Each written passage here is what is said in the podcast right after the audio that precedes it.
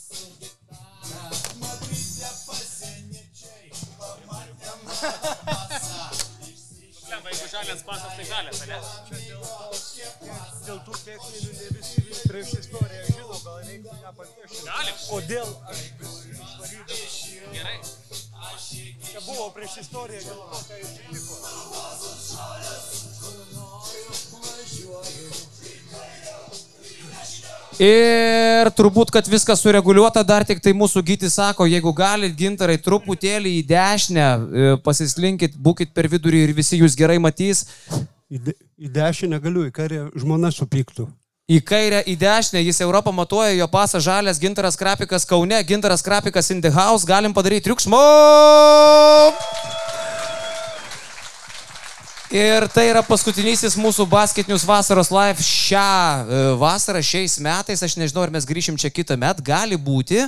Mes sėdime Olimpo terasoje Kaune, Putvinskio 48, yra kas sėdi labai toli ten, bet jie, jeigu nori, gali ateiti pas mus ir arčiau. Tiesą sakant, net ir senoje prieš liko, jeigu tai jums nėra problema, yra vietų. E, Čia taip pat terasoje, aš galvoju, jūs galite surasti po stogeliu savo poziciją. O į svečius e, kol kas kviečiam tik tai legendas ir man atrodo, kad finalizuoti su tokio lygio svečiu yra aukščiausias pilotažas. Gintaras Krapikas tiesiai iš Vokietijos į Kauno Žalgerį ir po treniruočių pas mus čia į terasą. Tai labas vakaras Gintarai, žmonės jūs myli, labas Jonai, ačiū tau, kad padėsi man šiandieną būti savimi. Sveiki gyvi visiems, iš tikrųjų žiauriai smagu matyti tokią, tokią didžiulę minę ir dar smagiau čia matyti Gintarą Krapiką. Gintarai, ar jums smagu matyti žmonės, jūs sakėt, kad niekas neateis, aš atsimenu mūsų vieną iš paskutinių pokalbių. Ne, aš nesakiau, kad niekas neateis, tik aš e, kažkaip pergyvenau, ar kas nors ateis. Bet e, jūs buvo teisūs, kad ateis. Sveiki, gerbėmėjai, ir jum ačiū labai už pakvietimą. E, Kvietėte mane ir truputį anksčiau, bet buvau išvykęs, tik sakiau, tikrai ateisiu, tik kai būsiu Kaune bent jau. Tai šiandieną tą ir padarom. Ačiū jum labai. Ačiū Jums.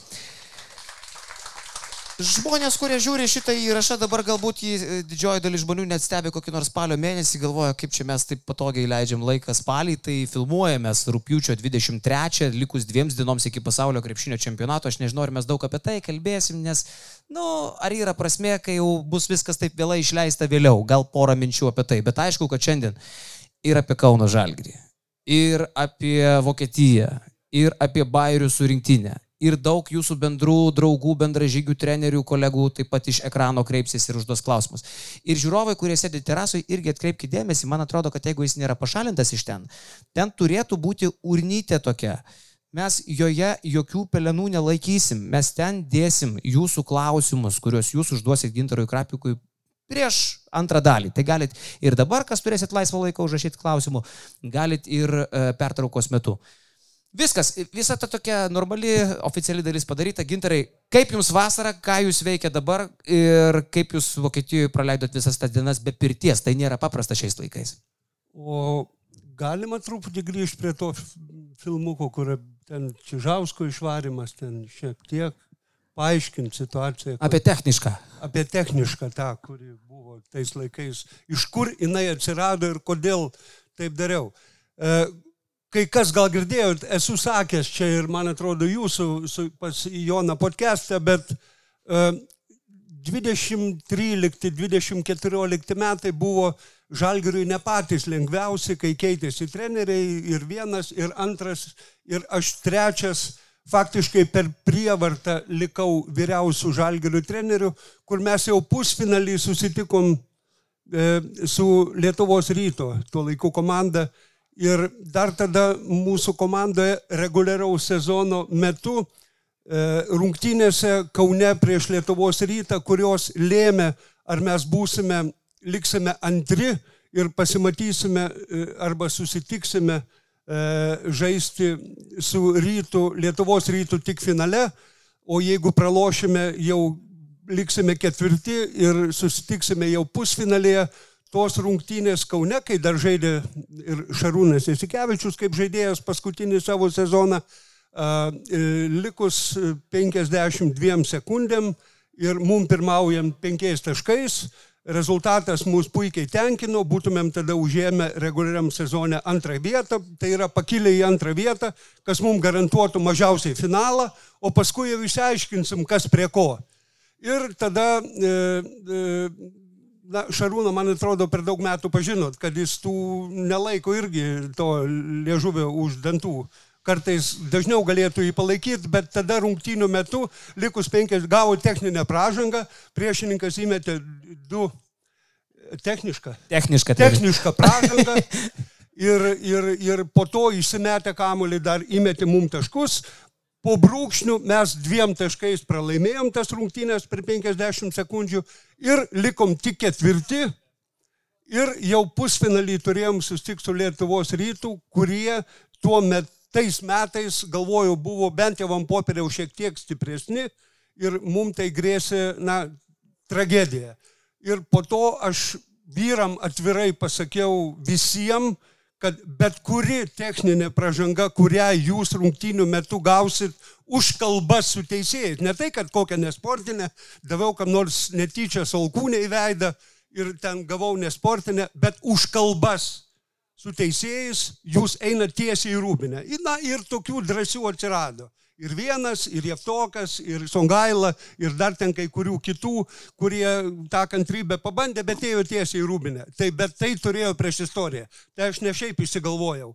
Kadangi ta techniška pažanga mums tiek brangiai kainavo, gerai, kad tas sezonas galų gale gerai baigėsi ir mes pusfinalį jau įveikėm Lietuvos rytą, po, po, po, po, po, e, po įtemptų kovų, bet kaip sakant, man asmeniškai tai labai daug nervų kainavo ir kad truputį paauklėti e, žmonės, kad jie suprastų, kad na, reikia žinoti, kada kalbėti, o kartais kalbos labai brangiai kainuoja, kad jie tai suprastų, dėl to ta techniška, tas išvarimas už technišką pražangą buvo įvestas Bent jau kurį laiką. O padėjo gintarai šitas? Vėliau žmonės vengia eiti į dušą maudytis ar ne?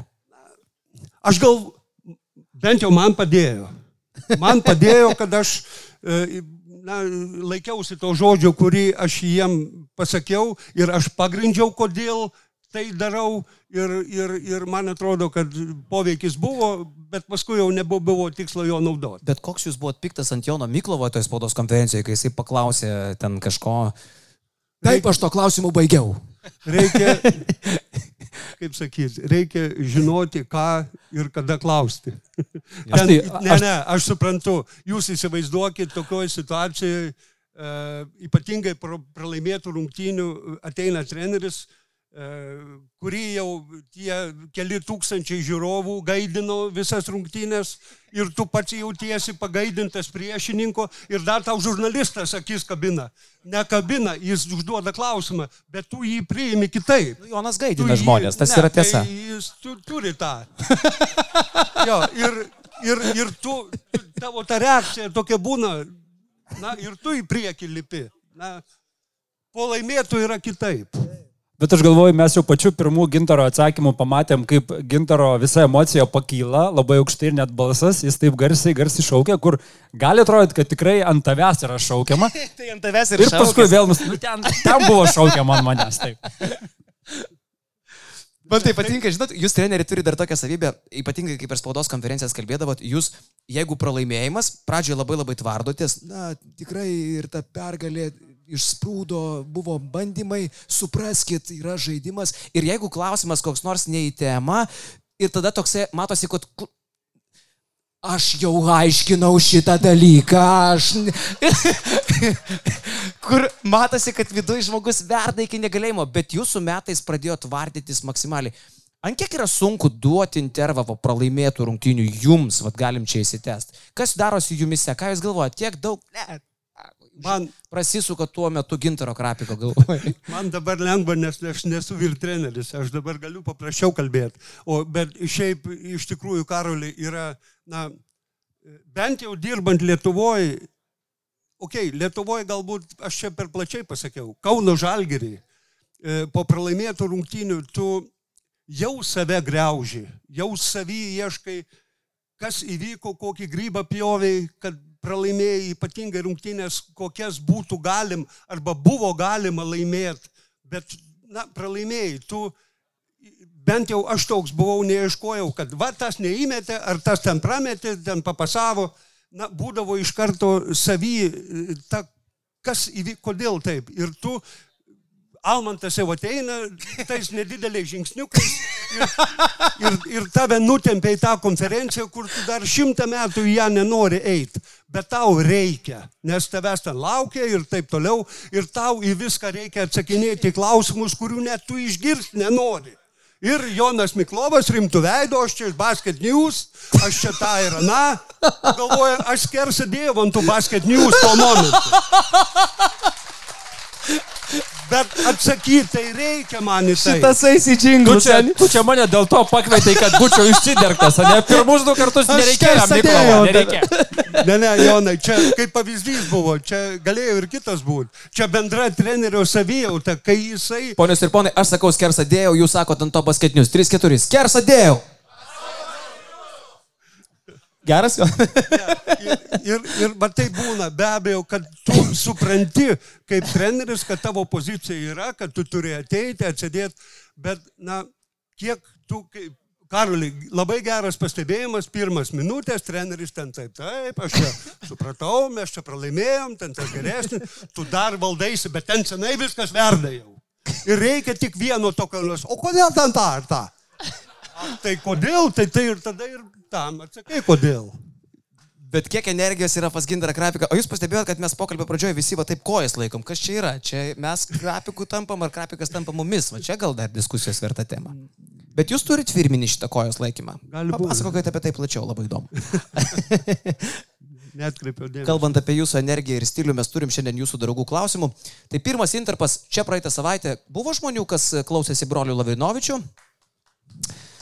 Visi, kas girdėjo, sutiks, kad tai buvo mega pokalbis. O į mano klausimą atsakė? Jo, pasakojo ten Atsakė. dalykus. Nemanau, kad viską jūs galėsit plačiau pasakyti. Vat nežinau, ką atsakė. Bet pradžiai Dariušas Lavrinovičius nori kreiptis į jūs. Tai paklausykim, ką brolis e, va šiandien jums uh, uždavė. Labas vakaras, treneri. Visų pirma, noriu Jums padėkoti už ilgas ir nuobodžias pamokas krepšinėje ir gyvenime, bet labai naudingus man. Ačiū Jums. Vienas toks bendramžis vardu Kšištofas teiraujasi, kaip Jums pavyksta taip jaunai atrodyti. Jam kyla įtarimų, kad Jūs lankotės pas a, plastikos chirurgą. O jeigu ne, tai pasakykit, e, prašom, kaip jums e, pavyksta išlaikyti tokį jaunatvišką, ne tik tai į, įvaizdį, bet ir mentalitetą. Man net pačiam asmeniškai atrodo, kad jūs e, su Karaliu Tiškevičium klausiokai esate. Ačiū už atsakymą. Neplosim, broliui, plosim, aišku.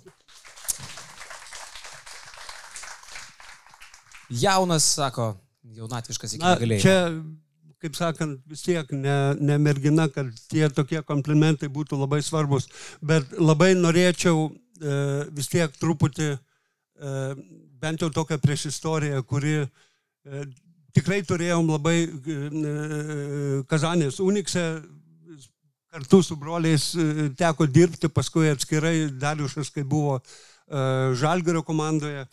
Ir e, vis tik žinant, kad jiem arba jų gyvenime buvo toks laikotarpis, kur mm, saulė nepali buvo, o jinai tokia, tokia labiau per metalinės grotelės buvo. Ir vis tik tai žinant juos e, ir bendraujant su jais, e, na, kai pagalvoju, kiek žmogus gali apsimesti, kažkokį tai laikotarpį taip, bet kai ilgesnį laikotarpį su jais bendrauji, supranti, kad tai buvo tikrai laikotarpis jų gyvenimo, jų gyvenime klaida, kuri, kuri jiems labai brangiai kainavo, bet dušioje jie tokie nėra. Dėl to ir jisai sako, už tas nuobodžias vis tik tai kažkaip norėdavo jiem e, papasakoti, kaip tas gyvenimas funkcionuoja iš tikrųjų ir ypatingai jeigu tu esi arba nori būti aukštam lygiai, neužtenka vien talento kaip krepšininko. Tu dar turi ir kažkokią, na, e, kaip pavyzdys kitiem. Tu negali elgtis kaip tu nori, kaip tavo instinktai, vis tiek tu turi elgtis kaip yra na, priimta taisyklė. Ir tikrai labai daug laiko praleisdavom ir aš įsivaizduoju, kad jiem gerokai atsibosdavau dėl to ir sakė, kad ačiū už tas nuobodžias pamokas, kurias aš savo priimu kaip komplimentą. Nes jie iš tų pamokų, kurias jie gavo savo e, jaunystėje toj, e, stipriai pasimokė ir jų nebekartoja ir ačiū Dievui, kad jiem abiem puikiai einasi ir, ir, ir, ir jų šeimom taip pat. Kiek tekia jūs pažinti, jūs atrodo, kad tas treneris, kuris ne tik tai braižo ant lentelės, tu bėgi čia, tu statai čia užtvarą, tu įkerti, bet ir, vat, kaip ir minėjot, kažką įdėti galvą, kažką duoti žaidėjui iš savo kažkokių patirčių, ar ne? Čia turbūt irgi vienas iš tų tokių uh, prieimų, nes visokių būna skirtingų trenerių. Būna tų, kurie nesivelia į tokius dalykus, as, asmeniniai dalykai, kažkokie auklėjimai ne man, aš, aš tik tai ateinu, padarau darbą. Jūs toks nesate, jūs tas, kuris norėdavote ir kažką įdėti galvą, kažkokios košės įnešti, jeigu, jeigu to reikia padaryti. Na, e, kiekvienas turi galų gale e, e, savo pri, prisipažinti, e, arba aš pri, aš nesu genialiausias taktikas, kas liečia krepšinį. Kaip tai? Taip. Bet e, aš turiu pakankamai patirties ir žinių būti normaliu treneriu, bet aš galvoju, kad sugebu iš tų žmonių, kurių aš turiu komandoje, juos sulibdyti tą bendrą visumą, kurie paskui, negalvodami į nieką, gavę mano komandą, eis ir puls priešininką. Ir, ir tai galvojau, kad buvo mano stipri pusė ir kodėl jos neišnaudot. Dėl to ir ypatingai su tokiais žaidėjais, kurie buvo e, svarbus ar kertiniai, kurie gali, na, būna kiekvienoje komandoje 2-3, kuriem tas pats, kas kur eina, kur visi eis ir aš eisiu. Tai reiškia, vis tiek reikia surasti tą porą treito žmonių, kurie tą kryptį arba tą tavo mintį suprato ir tuos likusius, kuriem tas pats ves kartu. Tai galvoju, kad aš tą gislelį turėjau ir man pavykdavo bent jau dalinai, kaip aš suprantu, su jais susitarp arba jiem įrodyti ir ta komanda būdavo bent jau tikrai, na, draugiška ir su viena mintim ir viena kryptim.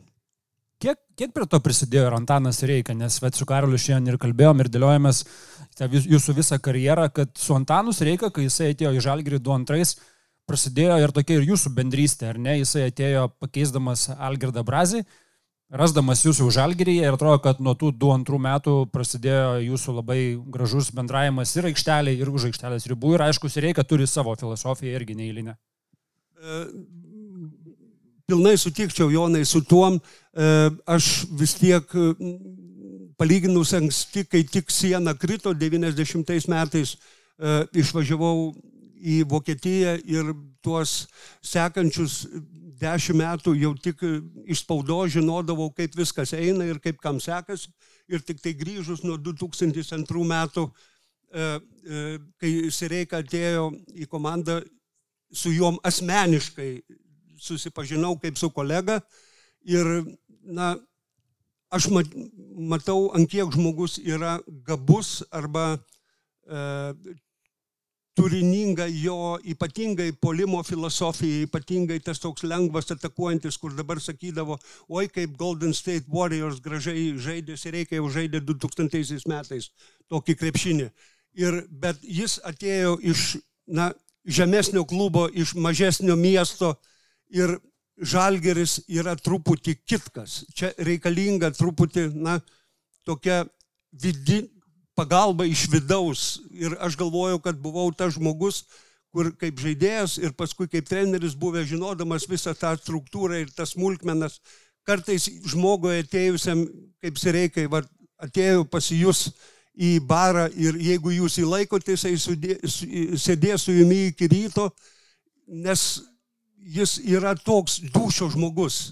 Ir kol žalgeris laimės, tol viskas bus gerai, bet kai tik žalgeris pralaimės, jūs visi, tai kaip žalgeris gali, jeigu jis iki ryto susigeria su visais.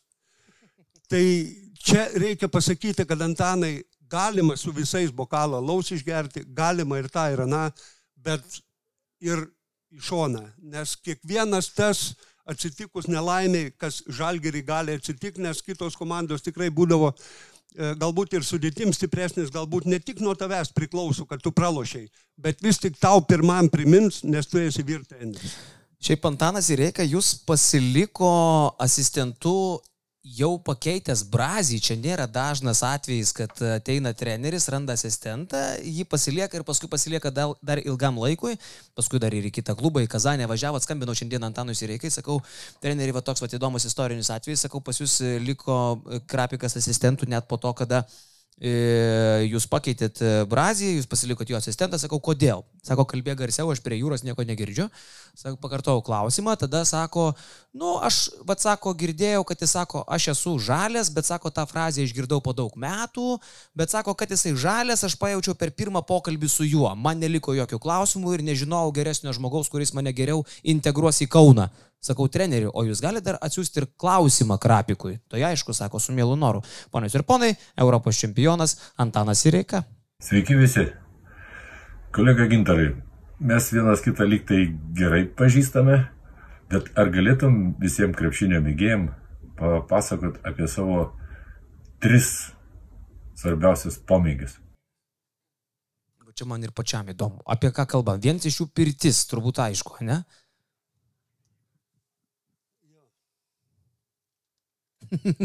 Atsiduso gintar grafikas. Jo. Kažkurio sakyti negalite, ne? Nes vis tiek dabar viskas išeis į tą, ne, čia pasakysiu vis tiek paskui. Galim sutart taip, šitą pasakot ne, ne, vis, ši, tik tai šitiems ir iškerpam iš to, ką dėsim į video. Iš, Išskyrus neiškerpam to, ką nufilmuoja telefonai žmonės. O jie nefilmuoja, taip? Iš, iš, ne, ne, ne, be abejo, ne. Iš tikrųjų, čia daug nėra ką galvoti. E, e, čia pirtisai prie tokių, galėčiau pasakyti į tą broliukų klausimą treneriui, kad čia kaip komplimentą vis tiek pasakė, kad na, palyginus jaunai atrodo, tai čia vienas iš tų yra, kodėl, nes tikrai nuo kiek save atsimenu, jau virš 50 metų reguliariai ir pastovi ir su mielu noru lankausi pirti, kai tik turiu galimybę, tai be abejo būtų vienas iš tokių pomėgių. Antras dalykas buvo... Treneriai, įsiterpsiu melas, kad jūs tik lankotės pirti, jūs jai vadovaujat. Tai... Aš kartą nuėjau su Gintaru Krapiku į e, naują pirtį Jonavos gatvėje, tai Gintaras Krapikas ten turi privilegiją. A, jisai turi pirštinę, tik kurią užsidėjęs tu gali mesti vandenį į tą pečių, B, jisai turi vis, visos laktos pagarbą, gintarai, dėk, dedu, ir trečia, niekas nedrįsta ten pirti pasakyti gintarui, užteks, nebedėk. Vyrai atsilūpusiam ausim bėga kulveršiais, plikais švampalais nuo tos laktos, bet niekas nedrįsta pasakyti gintarai nebemesk. Nebedėk, nu, nebereikia. Jūs dabar įsivaizduokit, kad visą tą kalbą dešimt kartų sumažintumėt, tai buvo tiesa. Melas. Ne, iš kitos, Užvažiuokite. Iš, iš kitos pusės e, aš, e, kai tikrai e, lankausi ypatingai po pralošimų, jeigu Žalgeris pralaimėjo Eurolygoje ir aš pasitaikius pirmai galimybei ateinu į pirtį, be, be abejo, kad pirmi klausimai būna apie krepšinį ir kad nuimti tą visą Jonui patiks vėjai iš būrių, kad visus nuraminti, aš sakau, vyrai, jūs sėskit visi, o aš jum kaip nusikaltęs jau už, pasitarnausiu, užmesiu. Tai, kaip sakant, visiems pakeli nuotaiką ir viskas eina žymiai lengviau. O kad jau visi ten kenčia, karolis čia. Na, aš pats ten sėdėjau. Sėdėjai, tai tu tau ten prie slengščio jau karšta. ten aš nebegalėjau, tai buvo neįmanoma. Plus dar jūs turite tą didelę meškerę tokią, su kuria mėtote, ne, į tą pečių. Jo. Pratęsiant Antano klausimą. Iš tikrųjų, antrą pomėgį turėjau labai gerą, kai baigiau sportuoti, labai mėgau žaisti tenisą. Bet kai pakeitė du klubus ir daktarai, ir daktaras pasakė, nu, gintarai, jo, kontakto nėra, bet geriau apribok, tai tas apribojimas baigė, kad, na, visai nebežaidžiu. Ir labai gaila. čia buvo tikrai, o visas kitas, trečias ar ketvirtas ar penktas, tai viskas surišta su uh, krepšiniu, ar tai žiūrėjimas, ar studijavimas, ar pažiūr... dabar ypatingai va, paskutiniam dienom uh, kartoja pereitų uh, Eurolygo, pereito Eurolygos sezono rungtynes prieš Albą, prieš Realą, prieš Fenerbakčią. Uh, E, rungtynės, kurios neįtikėtinai užvedančios ir tiesiog antrą kartą net galvojau, tai mes laimėjom ar ne galų galę, nes Albai pralašinėjom, 19 taškų liko nedaug žaisti. Tai va, čia yra tas, kam tikrai negaila laiko ir pasiruošę skirti dar daugiau. Kaip dažnai gaunat Vilnių, vad sakot, net nueini į pirtį po pralaimėjimo ir reikia vyram pasiaiškinti, ką tas žalgris čia pridarė. Kaip, kaip dažnai gatviai yra sustabdoma ir bandoma paaiškinti, kad ir gal kažkas negerai padaryta, ar kodėl tai blogai padaryta. Ten pirti žmonės dar apsimeta, kad jiems net kartais ir neįdomu. Pavyzdžiui, pirti yra toksai Linas Dimša, bendras draugas. Tai jisai prieina toksai su tokia pilvu didžiausias. Nu, gintariukai, tai ką ten tas tavo žalgiris, ką gali, nieko? Ne, je, jeigu atvirai, tai gerai, kad aš negirdžiu to, ką jie kalba, kol manęs ten nėra.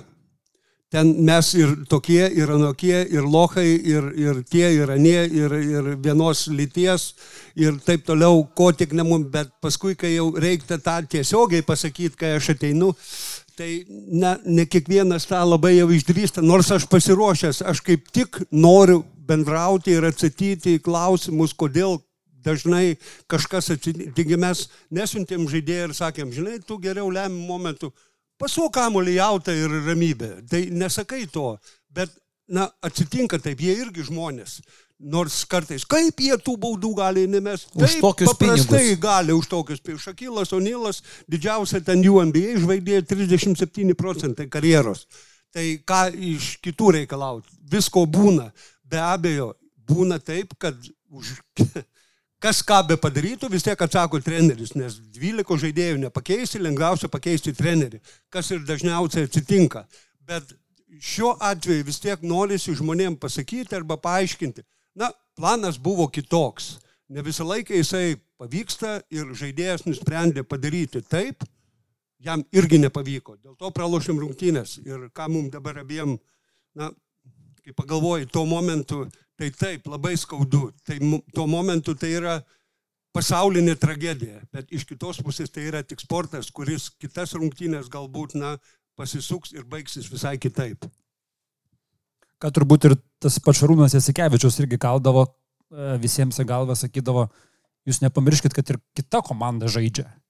Ir gal ir dėl to kartais pralaiminės ta kita komanda tiesiog geriau sužaidžia, kur vis laiką viskas bandoma suvesti ne į žalgerį. Jeigu pralaimėjo, tai pralaimėjo žalgeris, jeigu laimėjo, laimėjo žalgeris. Bet pažiūrėkit, mes visgi žaidžiam su kažkuo, tai gal jie tiesiog būna geresni. Tai va turbūt ir tą kartais labai sunku žmonėms. Na, be abejo, čia turbūt pats na, pigiausias ir paprasčiausias pasiaiškinimas arba pasiteisinimas būna vis tik tai e, mes iš tų e, e, klubų arba komandų su na, vienu mažiausiu biudžetu, reiškia, na, daugumoje Eurolygos rungtynių, na, esame kaip ne favorito rolėje, kad kitos komandos, kurios e, žaidžia prieš mus, vis tik turi ir biudžetą didesnį, automatiškai ir tą žaidėjų pasirinkimą truputį kitokį.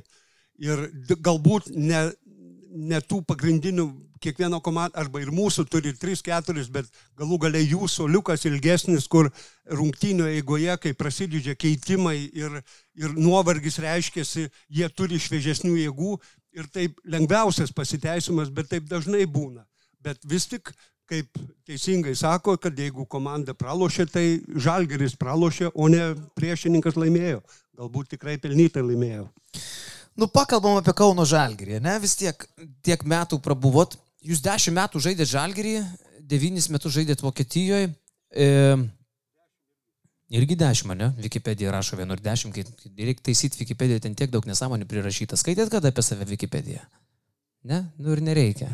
Mačiau, kad žalgerį žaidžiau tik penkis metus, tai galvoju, tada nėra ką skaityti jau. Rašė, kad jų, Wikipedija iš vis rašo, kad jūsų pravardė yra krapas. Aš nesu girdėjęs, kad kas nors krapiką vadintų krapu. Niekada ir nebuvo. Lyg, lygiai taip pat, kaip man juokas ima, kai, kai, kai rašo e, karnis. Karnis, Karnišovas niekada nebuvo, jis visada buvo. Karšis. Karšis. Taip. O vis Karnis. Kaip, jis niekada kaip Janutinė, nebuvo. niekada nebuvo Jankė, buvo Jebuselė visada, taip? Taip. Ar aš kažką painioju? Taip. Taip, kad čia daug, daug ko, na, arba daug kas netitinka to, kas ten parašyta arba rašoma. Bet pakalbėkime apie Kauno Žalgirį. Jūs dirbote Žalgirį pačiu romantiškiausiu laikotarpiu. Sabas, e, Makabi Žalgiris, Tralelė, e, tas laikas, kai Halė ten lūždavo alaus, e, kvepalų, net šiek tiek šlapimo kvapo, kažkodėl Halė turėdavo visą tokį miksą fantastinį, skaudžiausios perg... pralaimėjimai, pačios smagiausios pergalės. Ir jūs baigėt savo epą, pirmą epą kaip trenerio Žalgirį 2008-2009 sezone, kada bankrotas iš esmės. Klubas ėjo į bankrotą, situacija tragiška, visi palieka komandą ir taip toliau. Ir čia yra turbūt romantiškiausias istorijos tarpsnis, nes tuo metu visi Kauno Žalgerį jau palaidojo, užkalė karstą, Karmėlavoje buvo iškasę duobę, buvo atvažiavę dopkasiai, staiga įvyksta stebuklas, klubas išsigelbėjo. Kaip vėliau paaiškėjo apie tą stebuklą, kurio mes nepastebėjom, buvo net knyga parašyta, jo vardas Vladimiras Romanovas. Ir va šita tema jums vieną geresnių klausimų mano supratimu šiandien uždavė Eurolygos vadovas Paulius Motejūnas. O taip. Sveiki, treneri. E, turiu įdomų klausimą. Iš prisiminimų jūs labai daug jų turit. Tai gal galit priminti visiems papasakot ne tik apie veiksmus, bet ir apie emocijas to, to mūsų pirmo boikoto, pirmos krizės, kai, kai žaidėjai jau turėjo nevažiuoti, žaisti ir, ir buvo tie naktiniai skambučiai iš Vilniaus ir nuvažiavome į Vilnių ir, ir kaip grįžinėjom atgal su tiesioginė prasme maišų pinigų. Tai gal galit iš savo pusės dar priminti visiems, kaip tas viskas atrodė, nes iš mano pusės prisimenu kaip kažkokį filmo detektyvą. Įdomaus visiems pokalbių šau. Paulius Motejūnas. Iš Kauno, man atrodo, ne? Ar čia Barsa taip panašu į Kauną? Kaunas, Kaunas, taip. Tai jis namie? Dabar panašu taip. Tai sakė, kad bus Bars- Barso jau. Grįžo. Trumpam. Jo, čia labai tokia Paulius e, grįžtelėjo temą, kuri, aš galvoju, ne tik man, bet ir jam pačiam. Vis tik dabar, e, jeigu skaičiuojam, dabar yra Paulius Motejūnas, kur man skaičiuoti labai lengva, mes abu du pirmų gimimo. Tik aš 60, jisai 81 jam dabar 42 metai pačios karjeros, aš galvoju, kad na, viršūnėje ypatingai dabar užėmos tokios pareigas, bet kai kalbam apie 28 metus, atinkit šitam žmogui 15 metų, tai reiškia, jam buvo vidurys 25 ir jisai perėmė e, Žalgerio vadovo poziciją kai komanda, kaip sako, arba ne tik komanda, bet pats klubas buvo praktiškai ant užsidarimo ribos. Ir, na, nebuvo lengva, nebuvo lengva ta prasme, kad pagrindė neėjau kalba jau apie sportą kaip tokį. Treniruotės, e, e, kurių metu kiekviena pertraukėlė tarp, tarp žaidėjų tarpusavį buvo bendraujama, o įdomu, kada nors mes kokį nors pinigėlį gausim, nes jau penki mėnesiai negavom, nes vis tiek turim šeimas kažką tai žmonai reikia e, atnešti ir paduoti, aš kaip na, vyras turiu kažką atnešti. Situacija buvo tikrai labai bloga ir jinai ne tai, kad bloga, bet kaip Karolis sakė, jinai buvo kritiška. Ir vieną na, arba ankstyvų rytą pažadino mane skambutis. Ne, nepažįstamas numeris buvo galbūt truputį po septynių ryto. Aš pažiūriu, nepažįstamą galvoju, atsiliepsiu vėliau, bet na, gal ir tas vidinis instinktas sakė, kad vis tik atsiliep. Atsiliepiau ir e, prisistatė, kadangi mūsų tais laikais 8-9 metai buvo pagrindinis ir, ir aršiausias priešininkas Lietuvos rytas, skambino Respublikos vyredaktorius Vytas Tomkus, e, kuris e, pradėjo žodžiais, kad galvojo skambinti komandos vadovui, kurio nei telefono numerio neturi ir jo asmeniškai nepažįsta, o iš viso klubo, klubo pažįsta tik mane, dėl to ir kreipėsi į mane su tokiu klausimu ir pasiūlymu. Ar galėčiau paimtis komandos generalinį vadovą, tuo metu tai buvo Paulius Motijūnas, šviežiai perėmęs ir, ir tiesiog, na, neži, nežinantis žmogus, ką daryti, nes nėra lėšų. Galėtumėte atvažiuoti į Vilnių pokalbį. Sakau, be abejo, nes mes neturim ką prarasti. Mes kartu atvažiuojame į Vilnių, užvažiuojame į redakciją, kur mm, Vytas Tomkus išdėsto, kaip, na, tarp jų Respublika Lietuvos rytas, didelė konkurencija, sako, mes norėtumėm, kad jūs vis tik išliktumėt ir išgyventumėt ir siūlome jum finansinę pagalbą, pradžiai, kad pabaigtumėm šitą sezoną ir paskui toliau. Tai mes taip su Pauliu. Sako, o jūs kaip dabar jum bandyti per ilgesnį laiką tos pinigus pervest, ar jūs dabar pasiimsit ir vešitės juos namo. Tai mes taip su Paulium, tai mes juos vežtumėmės, o jie, jų kiek ir jie kur. Tai gerai, tai mes čia kavos atsigersim, jeigu jūs, tai mes to parūpinsim. Okay, mes galvojam 10-15 tūkstančių litų ir tai kažkaip žmonėm ant, ant vaikam ant pieno. Na, kol mes ten pabendravom toliau, ateina žmogus, mums tą maišelį paduoda ir tai sako, jūs, gal jūs perskaičiukit juos. Tai aš tai, Pauliu, gal tu kaip vadovas čia. Tai gerai, sako tą maišą praverė, o ir taip, o blemba, čia reiks ilgai skaičiuoti.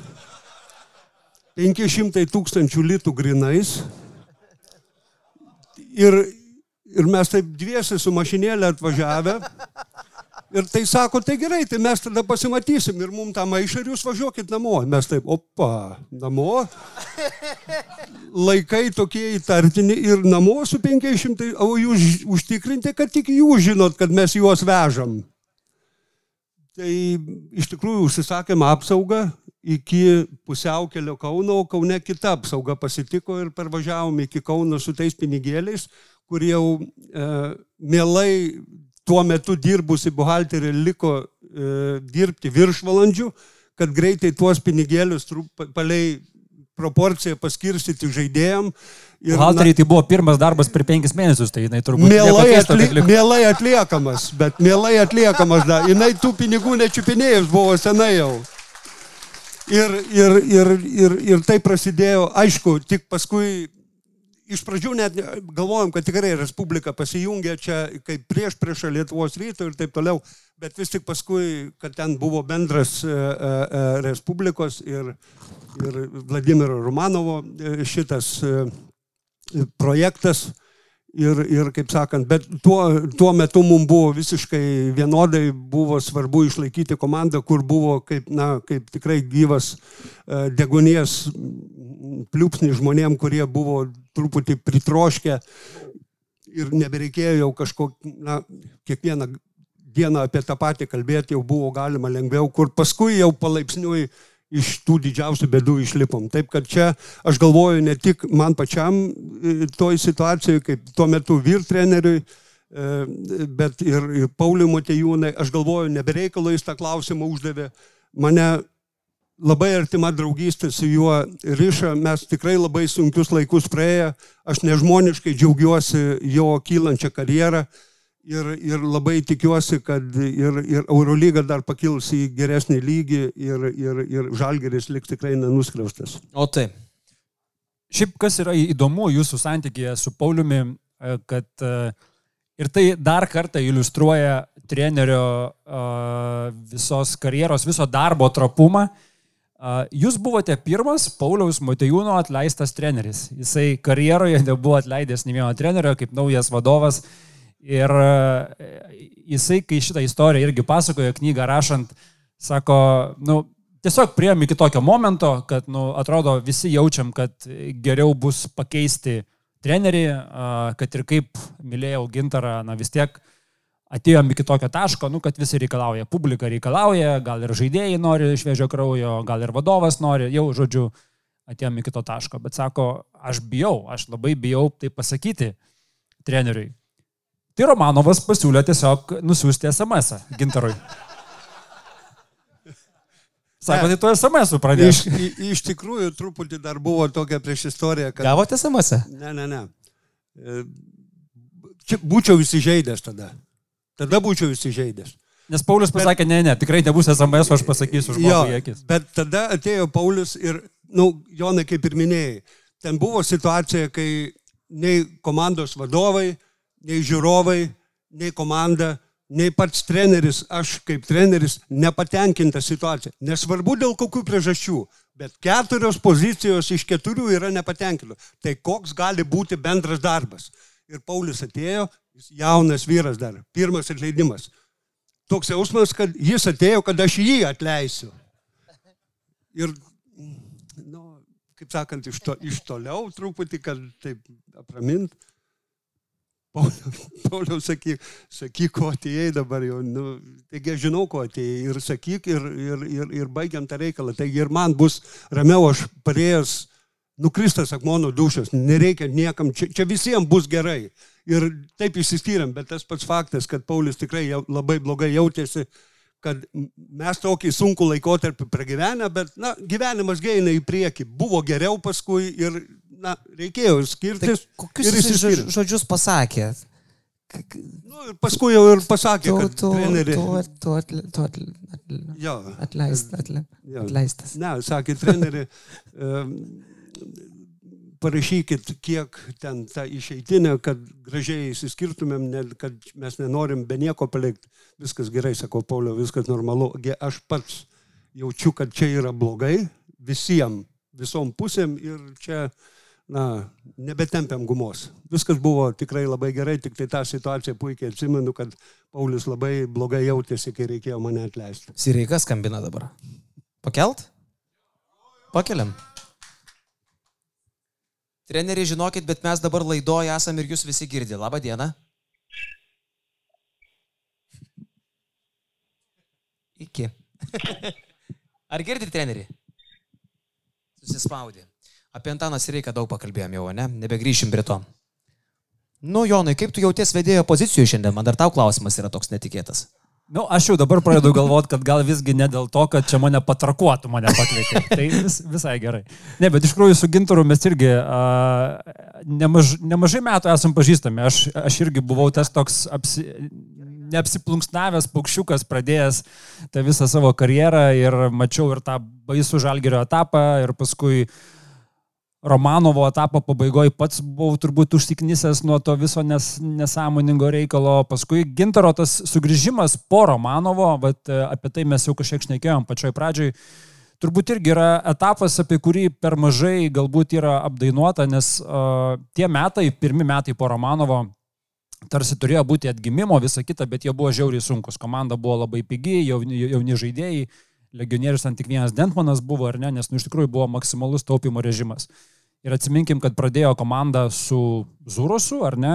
Zurosas buvo greitai paleistas, tada Štombergas perėmė komandą. Su Štombergu nebuvo patekta net į LKF taurės finalą, tada kaip prienam pralaimėta. Ir tikrai atrodo, kad, nu, eina komanda šaibom ir jinai eina šaibom uh, tais metais, kada jau tikimasi, kad jinai pagaliau kils, nes čia bandom atsitiesti.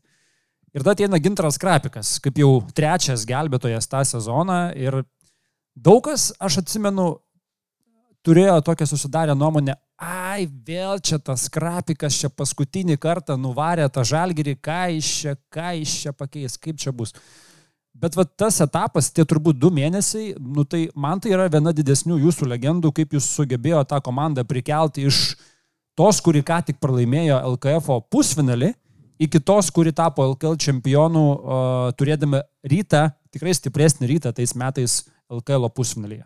Tai va tas toks prikelimas, sakau, man tai yra turbūt viena didesnių jūsų kaip trenerio uh, legendų tie du mėnesiai darbo žalgyryje.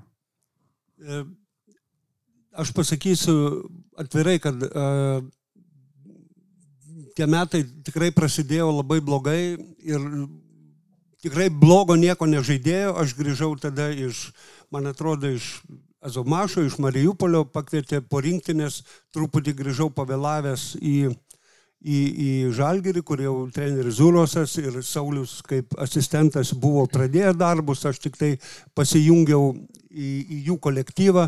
Tikrai pirmas įspūdis buvo, aš pirmą kartą susidūriau su treneriu Zurosu ir buvo, man atrodo, tiek treniruotės, tiek, tiek, tiek, tiek na, pačios mintis, kai bendraudom, galvoju, labai tinka, bus viskas čia gerai, bet paskui, kai, na, tų rezultatų nėra ir visi pradeda darytis tokie neramus ir įtarus ir nervuoti.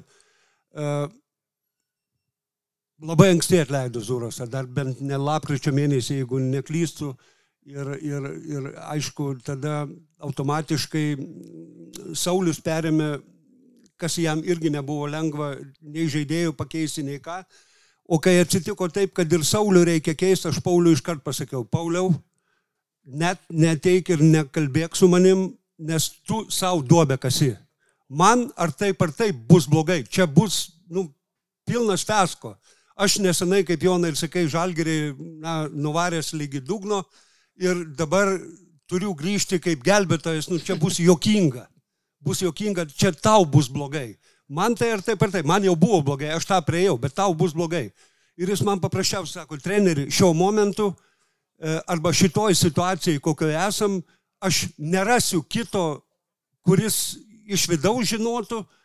Ten man atrodo, kad komandoje keleto žaidėjų užtarimą jisai turėjo, kai atėjo su tuo pasiūlymu man. E, galbūt net buvo lengvai prasukęs per tuo metu rinkoje buvusių trenerių sąrašėlių, kur irgi nieko nebuvo ir, na, sakau, Pauliau, ne. Po kiek, Paulius sako, nu, neturiu išeities. Ir, ir vis tik čia tas, nu, negali palikti komandos, savo komandos nesvarbu, kad nesu dabar virtenais tokioj padėti ir be abejo, kad sutinki, bet žinai, kad, na, čia uh, bloga situacija vėlgi, kai perėmė kaip vyr treneris, bet iš kitos pusės aš vėlgi sakau, kad mano uh, turbūt toks likimas šitoj komandoje, kad kai komanda einasi gerai, mano kvalifikacija per žema, kad būti treneriu, aš galiu čia ateiti tik tada, kai jai yra labai blogai. Nes nu, neina užsieniečiai, su kuo žais, su, su, su šitais Eurolygai, kažkur pakliūda reikia, jūs ką. Tai ir belieka tokie va, puskvailiai, kurie tą situaciją, aš suprantu, kad aš neturėsiu kitos galimybės ir aš tą situaciją imu. Ir be abejo, kad per tą trumpą laiką vis tik tai pavyko iš sunkios, vis tiek reguliariam sezonui, likom ketvirti, pusfinalį jau su rytu ir vis tik tapom čempionais, tai baigėsi gerai, bet situacija buvo tokia, kur aš sakau, iš pirminiam variantė pilnai atsisakiau ir ne kartą, bet vis tiek Paulius paskui turi tų argumentų, kaip, kaip įkalbėti. Bet dar geresnė situacija blogąją prasme buvo prieš praeitą sezoną, ne? kada klubas pirmą kartą net į finalą LKL neišėjo. Va čia buvo geri laikai. Ne ta prasme. Ir aš atsimenu, mes važiuojam su jumis mašinoje į Vilnių, gal į brolių finalą važiavom tuo metu, vat nepamenu, man atrodo, kad gal į brolių finalą važiavam. Ir atsimenu, jūs kaip tik ieškojot e, žmogaus, kurio vėliau tapo Kynanas Evansas, kas bus pagrindinis Žalgirio komandos variklis. Ir atsimenu, kaip jūs e, net taip spyrėt į dugną mašinos ir sakėt, mes negalim apsišykti ir mes turim surasti kažką tai gero ir tada atvažiavo Kinanas Evansas. Praeitas Žalgirio sezonas buvo magiškas, e, turbūt dėl to tokio klampaus finalo su rytų, gal net daug kas pamiršo, kiek jis iš tikrųjų buvo magiškas, nes ten buvo kažkoks kosminis patekimas į to paštonių etapą. Bet jeigu dar įvertinsim, kad Evansas 17 turė gauna Achilo traumą, tai šitas sezonas pasidaro kosmiškai magiškas. Ir man žiauriai įdomi yra Gintaro Krapiko reakcija, kada jisai mato. Žalgeris Fenerbakčia, Žalgerio arenoje, 17 turas, viskas eina gerai, sezonas fantastiškas, turim geriausią Eurolygos įžaidėją tuo metu Kinaną Evansą. Ir visi tuo, tą pačią sekundę, ko gero dar be diagnozės, suprato, kad tenai atsitiko kažkas labai labai blogo. Ta pačią sekundę, kai Evansas kluptelėjo, visi arenoje, visi prie televizoriaus suprato, kad atsitiko kažkas labai labai blogo. Kaip jūs tuo metu priemė tą žinią? Kas prasisuko galvoj tuo metu jums visai komandai, suvokiant, kad čia gali būti sezono pabaiga? Ar tokios mintys apskritai ateina tą sekundę? Ar tai toks šokas, kad tu net nesuvoki, kas Na, vyksta? visų pirma, kad tikrai tos pirminės mintis buvo, na, kad kažkas atsitiko, tikrai tai jau matėsi iš karto, nes žmogus, jeigu praktiškai ant lygios vietos pirmoji minutė, reiškia, jis buvo gerai apšilęs, bet dar nepavargęs, ap- aplinkui nieko nebuvo, niekas neužgriuvo, niekas nepastumė, n- n- nieko e, suklupo ir žvilgtelėjo atgal, tai yra 90 virš procentų, kad trūko Achilas. Nes visiems atrodo, kad kažkas su pagaliu iš nugaros kirto ir visi atsisuka pažiūrėti, kas tas durnelis. Bet visi automatiškai taip. Tai jau buvo pirmas signalas, kai tai atsitiko. Iš kitos pusės galvoja, nu, jaunas žmogus, 26 metai, gynėjas, nei viršsvario, nieko nėra. Tai negali būti tokia sunkia trauma. Na, negi ir šitą sezoną, kuris prasidėjo tikrai neblogai, vėl kažkokia nesėkmė įlis, kad jis mums nebūtų sėkmingas. Tai tokios tikrai per trumpą laiką buvusios mintis, bet kurios labai greit pasitvirtino, kad čia be abejo yra e, trūkusi Achilo sausislė ir kol mes žaidėm rungtynės, jisai praktiškai jau buvo, e, iškart po rungtynių buvo jau ir išoperuotas mūsų tikrai puikaus e, specialisto e, Rimvido Gudo. Aš dariau paskui siužetą apie tą žalgerio sezoną. Kaip jūs pats, pavyzdžiui, aiškinat, kuo buvo varomas praeito sezono žalgeris, kad net iškritus Evansui šitą komandą sukūrė galiausiai Münchenė stebuklą ir išėjo į top 8. Nes tai yra e, biedna komanda. Pasižiūrėjus į sudėtį, jeigu aš būčiau graikas, aš sakyčiau, what the fuck. Realiai matant situaciją, atrodo, kad tai tiesiog neįmanoma. Šita komanda yra 15 Eurolygos komanda pagal sudėtį. Kaip jūs pats aiškinat, matęs daugybę žalgrių, daugybę klubų, kas buvo šitos komandos variklis, kad jinai padarė tokį, tokį dalyką ir kalėsi ketvirtfinalį su Barsa? Na, vis tik aš galvoju, kad e, stipriai pasimokėm iš to sezono, kai na, laimėjom garbingą trečią vietą. Ir, e, Labai. jo, ir galvojam, kad na, žinojom, kokią turėjom sudėti ir kokių negalim pada- padaryti klaidų. Kad reikia jauninti kolektyvą, jokių pagyvenusių žvaigždžių, kurios ateina su dideliais vardais ir mažai galimybių, e, šviežio kraujo, gynybinio stiliaus aukštesnio žmogaus, dėl to ir kevarijus Hejas paėmėm, kad visi sakė, nu, kad jis nieko ten Turkijoje, ne, taip, jis, mes ir neplanavom, kad jis, turi, kad jis mums tų taškų pripelnys, bet jisai bus tas žmogus, kur dabar galės ir taip mėgstamoje all switch, kur visi penki keičiasi, e, atlikti savo darbą ir taip toliau. O kai atsitiko ta nelaimė, aš galvojau, kad tas traukinukas buvo įsivažiavęs, kad kažkurį laiką ir be Kinano mes dar Dimša pasijungė į, į žaidėjo, bet mes jo niekaip nebūtumėm pabaigę, jeigu paskui nebūtumėm pasipildę e, Aizėją Taylorų ir, ir Achilę Polonarą. Čia galėjo... Gal be Achilės būtume baigę normaliai. Ne? Okay, bet vis tiek reikėjo, dar, iš, dar, dar iškrito ir, ir Kanava. Aš apie rotaciją. Tada būtumėm nudrožę savo pagrindinius žaidėjus. Vis tiek reikėjo turėti. Tuo labiau, kad Kanava iškrito ir jis iškrito. Ke- Kevaną trenerį. Aš manau, kad visi tą patį pagalvoja. Jūs esate vienas, vienas tų žmonių, kur labai jokingai pasakot žodžius kai kuriuos. Pavyzdžiui, Vytas nedarė kažkada video, kad Austra Australija yra Australija, e, Kevana yra Kanava. Jo. Tai va, tai iš eigos galima buvo kompensuoti, nes tas traukinukas jau važiuoja. Taip. Jau buvo įgauta forma, visi žaidėjai turėjo savo pozicijas, tik tai reikėjo truputį perimti Kinano rolę, kuri buvo be abejo nežmoniškai svarbi ir jį pakeisti neįmanoma. Bet Nes atrodo, jo ir Aizėja ir nepakeitė. tas gauna traumą ir jisai nelošia iš esmės, ne? Tai va, tai čia tie, išband, tie išbandymai mus e, vis, visą sezoną sekė, bet, na, aš galvoju, kad tas surinktas šviežesnis, naujesnis, alkanesnis kolektyvas e, e, e, atliko tą rolę, kokią mes ir galvojom. Galvoju, kad ir Kazys pajuto, na, jis irgi jums sunkiau iš šono tai žiūrėti, bet e, aš kai vietoj dirbu, jis ir pats pradėjo, velnes.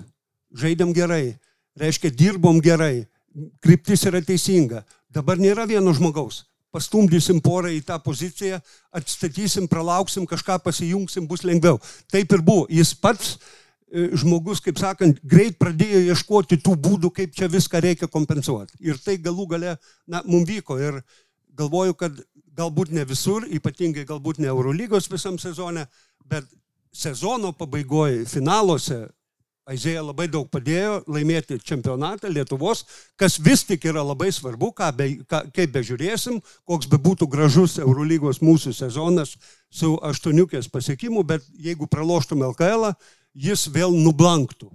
O vis tik laimėjom. Dar prisiminiau trenerių šį sezoną buvo labai jokingas momentas, kada Polonara ten kažką užgrybavo. Ir Kazys, ir jis aiškinasi Maksvyčiui ir Polonara, ne, ne, ne, ir Kazys, ne, ne, ne, ne, ne, nenoriu girdėti, net nepasakok man. E, man įdomu, vat, pažiūrėjau, jūs, kai krepšininkai užgrybavo, tarkim, polonarą, ne? Jūs tokioje situacijoje bandot sakyti, nu, treneris susinervavęs, čia viskas gerai, ar jūs irgi jam ir, eik, net ne, ne, ne, nenoriu nei matyti. Ne, čia vis tik yra, kai tu kiekvieną dirb, dieną dirbi su žmonėm, tu žinai, kieno galima paklausyti ir tas pasakymas bus svarbus ar teisingas.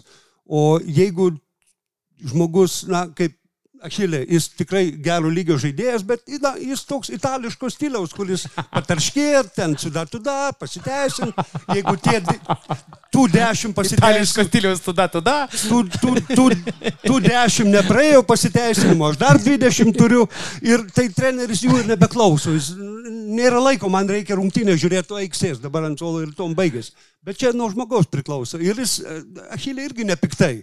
Jis galbūt taip galvoja, jis nori pasakyti treneriui, ką jis galvoja, bet italas turi tuom pasakyti, jam reikia daug žodžių tą pasakyti, viskas tai užtrunka. tai ir būdavo tokios diskusijos, bet jos nepiktybinės. Bet tas kazė dievė, nieko negirdžiu per radiją, kalbų radijas sprogo, Achilė ant stogo buvo kažkas, kažkas nuostabiausia pasaulyje. Wow. Užsiminėt e, apie vat, įvairius krepšininkus ir, na, nu, akivaizdu, ta prasme, kai, kai mes augam, mes krepšininkus įsivaizduojam kaip kažkokius tai didvyrius, dievus, herojus ar ne. Kai turbūt užaugi, ar ypatingai pabūni šalia, supranti, kad, na, tai yra lygiai tokie patys žmonės kaip ir mes visi ir jie iš esmės atspindi ir visuomenę. Ir visuomeniai būna ir gudresnių, būna ir kvailesnių. Būna prie bairio, būna, kur nesupranta visai bairio. Ir būna visai žiopluo, ne? Ir kokių, ar turit kokių istorijų, kur, nu, atrodo, nu jau viską išaiškini, nu jau ten per tai mautą viską nubraižai. Išvardinkit debilus pavardėm tiesiog, jeigu gali.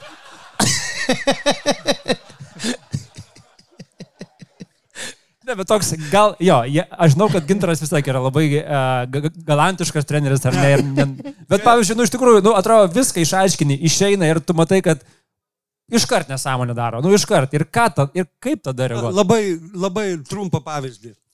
E, žaidžiam prieš Lietuvos rytą Vilniuje, e, paimu minutinę pertraukėlę, visi penki žaidėjai ateina ir kal, mūsų kamuolys bus ir ką mes norime išsimesti iš šoninės linijos, nes mūsų kamuolys turim kažkiek tai laiko ir ką mes norim užpulti.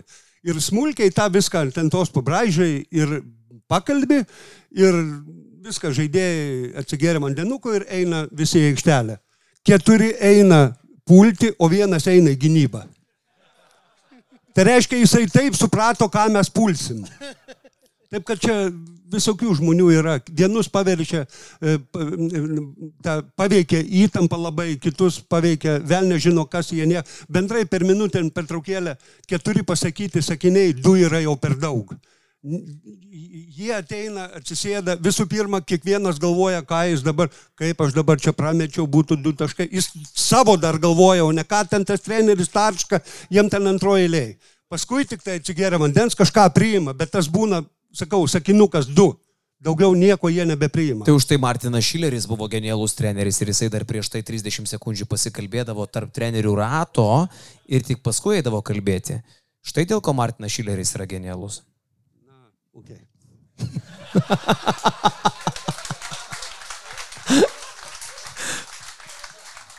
Iš tikrųjų, mes čia taip, taip smagiai pliurpiam ir šnekam, kad net uh, neturim kada pakalbėti apie savo partnerius. Ir čia mūsų uh, video Hebra Karolis arba Ridonas mums čia siunčia žinutės ekrane įjungdami mūsų uh, mūsų partneriai, interneto vizija, tai yra partneris, kuris pagelbėja mus, mums su šitais gyvais pasikalbėjimais. Ar esate akivaizdu... jūs treneri girdėjęs apie interneto viziją, atsiprašau, Jonai?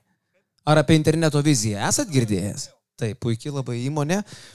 Iš tikrųjų, tai yra 20 metų, daugiau nei 20 metų patirties lietuviška įmonė, per kurią, jeigu kažkas esate turėję kokiu nors reikalų su internetu Lietuvoje, nuo adresų pirkimo iki mažos ar didesnės svetainės talpinimo ar kokio elektroninio pašto susikūrimo, tai daug šansų, kad tai darėte per interneto viziją. Ir interneto vizija yra tai, kas talpina ir basketniuso domeną.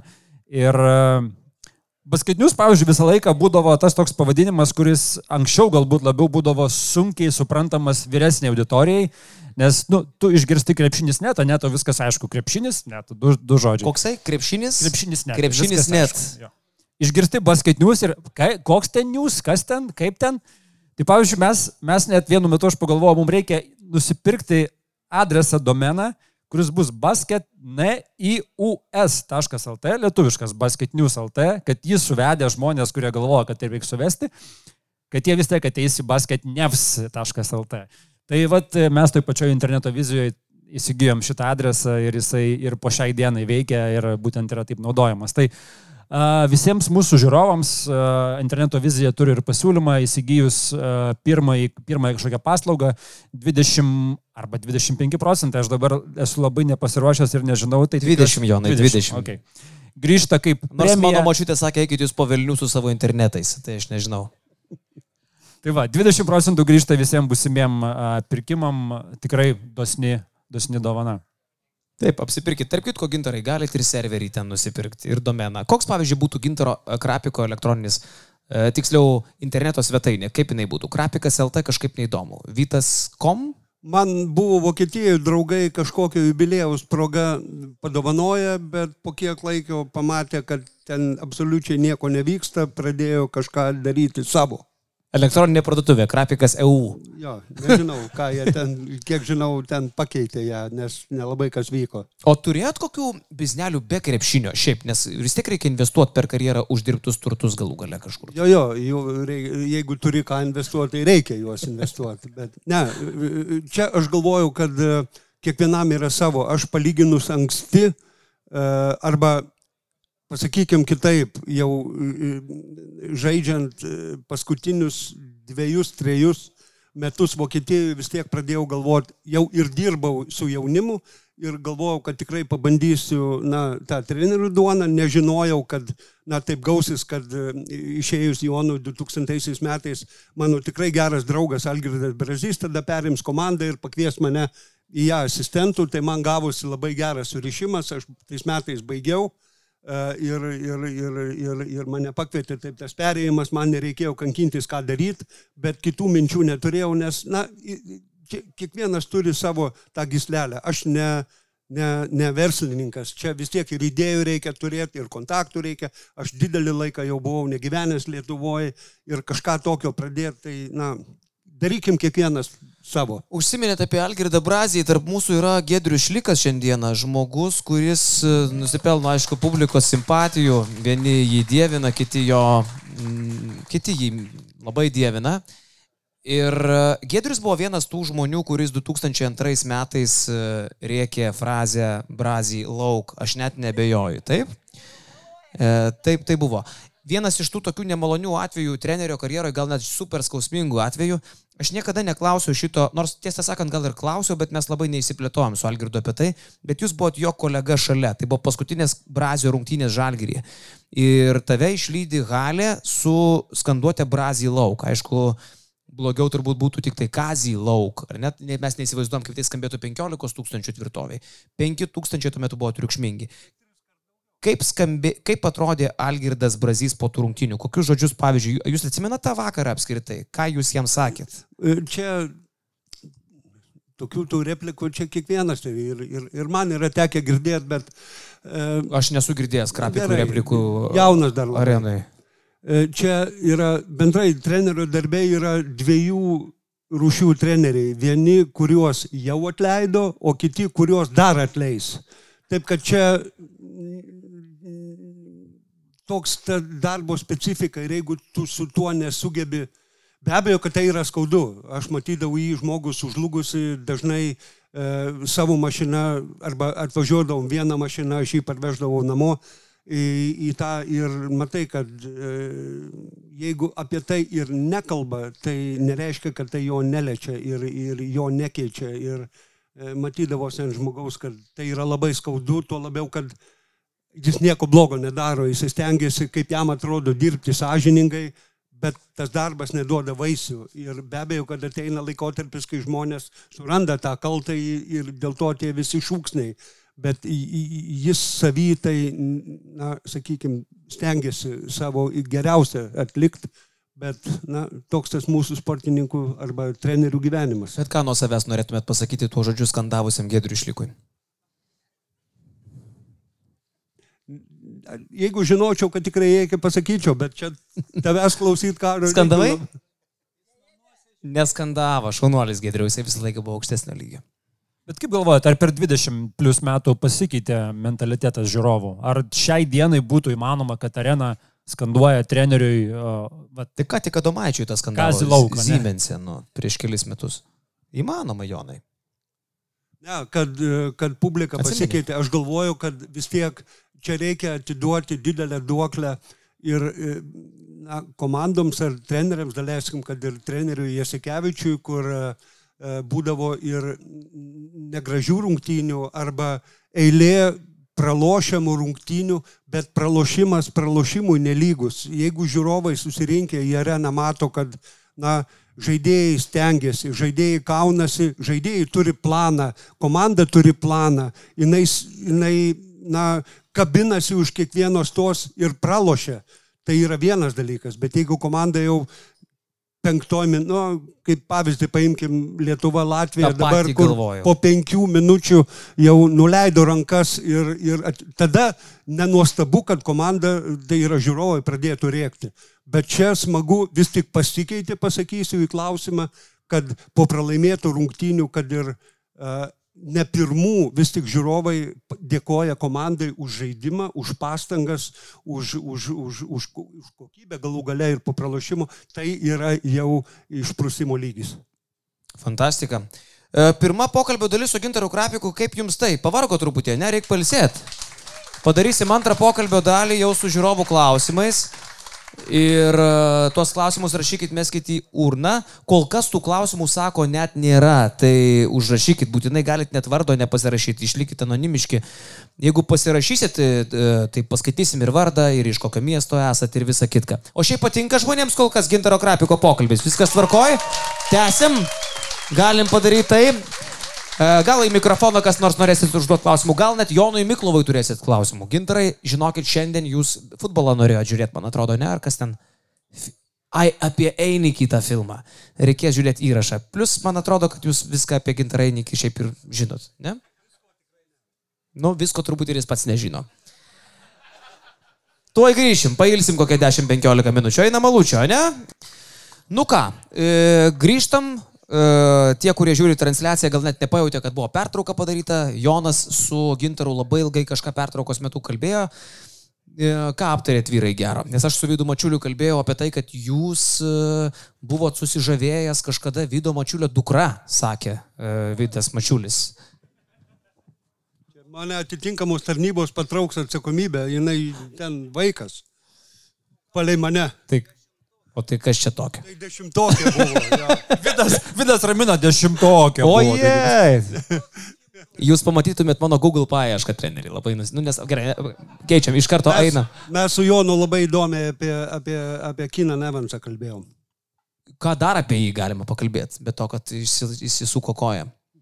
Ne, tai esminis klausimas, koks jisai bus ir vat, mano turbūt kaip ir, nu... Pakalbėkime apie tai redaktorių. Nemažos dalies. Bus? Kauniečių klausimas, ne, nu kiek procentų Evansas grįž? Ar ten bus 90 procentų Evanso, 80 procentų, ar visas šimtas, nes nu negali žinoti, kiek jis grįž, tai Ginteras nuraminėjo, kad viskas bus gerai.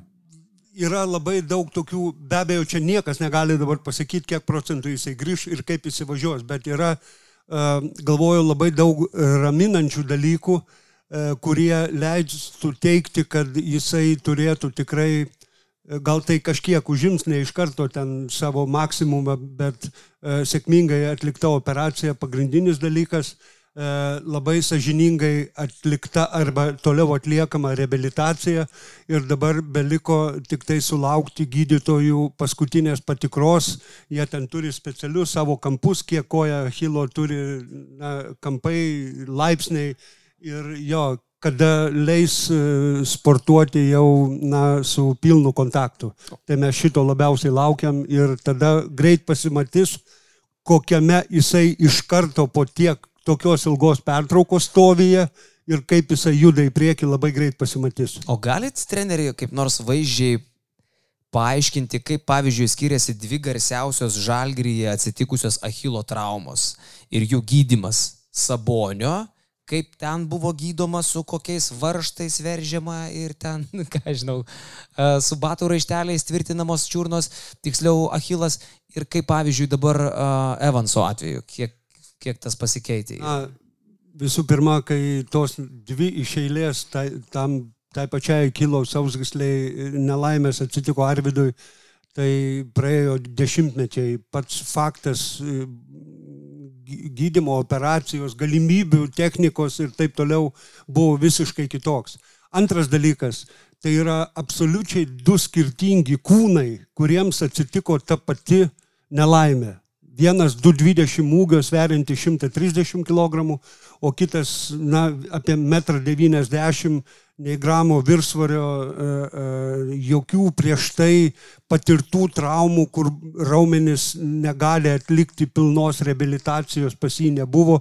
Taip kad čia praktika rodo, ne tik rodo, bet ir statistika skelbia, kad to, tokio sudėjimo ir, ir, ir ūgio ir svorio žmonės atsistato žymiai greičiau ir e, na, vos ne iki šimtų procentų, jeigu nėra kokių šalutinių bėdų. Jau kalbėjot su Evansu, jis jau Lietuvoje, ne? Ką jis pats sako? Taip, na, jis e, senokai dega tuo noru, bet e, kaip ir kiekvienas iš mūsų, man atrodo, jeigu tau nuo to priklauso, kiek dar metų žaisi e, krepšinį, nori sulaukti vis tiek daktarų pilno leidimo treniruoti su kontaktu, kas dabar yra svarbiausia ir to dabar mes patys laukiam, jis dirba, treniruojasi individualiai, viską atlieka, ką gali iki kontaktinio krepšinio, o kai tik gaus artimiausiam dienom, tikiuosi labai leidimą, tai tada galės ir su komanda pilnai dalyvauti treniruotėse. Jau pravedėt žalgerio treniruočio? Kažkaip nespėjom pakalbėti su jumis. E, treniruočių komandai ne, mes dabar, na, tokių kaip treniruočių komandinių dar negalim, nes Eurolygos žaidėjų asociacija neleidžia pradėti anksčiau negu tiek tai dienų iki pirmų Eurolygos rungtynių, reiškia, komandinių treniruočių vykti dar negali, bet dirbame su žaidėjais individualiai, kad paskui, kai tik bus tas leidimas, kad galim iš karto įsijungti be didelių įsibėgėjimų į pasiruošimą. Gerai, Jonas jau glamžo lapelius, čia bus labai gera dalis, atsakymai į žiūrovų klausimus, visko priklausom, nieko nepraleisim, gerai? Varysim viską. Turim, yra. turim krūvą klausimų, bet šiandien pagalvojau, kadangi turim ir svečią e, tokį, kuris man labai stipriai padėjo su knygos rašymu, e, su savo visom istorijom, tai aš atsinešiau kelias knygas, kurias padovanosim e, kelių geriausių klausimų autoriams ir e, O tuo pačiu vat, bus galima iš gintaro ir iš manęs, aišku, paimti parašą. Tai Aplaukit, manau... redaktorė Dievė, jisai dovanos knygas. Jisai dovanos knygas žmonėms. Paplokit, ko jūs ten sėdit gali. Aš galvoju, žiūrėk, aš daugiau mažiau padalinau per pusę, mes pasidalinom per pusę ir klausinėjom klausimus, kaip mokykloje pasikeisdami, gerai? Gerai. Ačiū labai. Tai man pradėti. Labai gražiai parašė žmogus, kuris pasirašė savo vardą ir pavardę, Alfredas Mačiulis, buvęs kaimynas. Gerbiamas gintarai, dėkingas tau už tavo darbą žalgiriui, kaip žaidėjui, treneriui, žmogui iš didžiosios raidės, tikram Lietuvos patriotui, su dvasišku palaiminimu išsigalvojo paskutinius du žodžius, nes neperskaitau Alfredas Mačiulis. Viskas. Ačiū labai, galvojau, kad dar klausimas bus. Ne, ne, ne, tiesiog. Gerai, ačiū labai. Aš turiu klausimą, nepasirašė žmogus, klausė, kuri krepšinio asmenybė iš kretingos yra įspūdingiausia ir pateikė vat, kelis variantus - Einikis, Krapikas, Paulauskas ar dar kažkas. Einikis iš Kūlų pienų, ar ne, ne per toliausiai. Krapikas tikrai iš Kretingos, a, Modestas Paulauskas iš...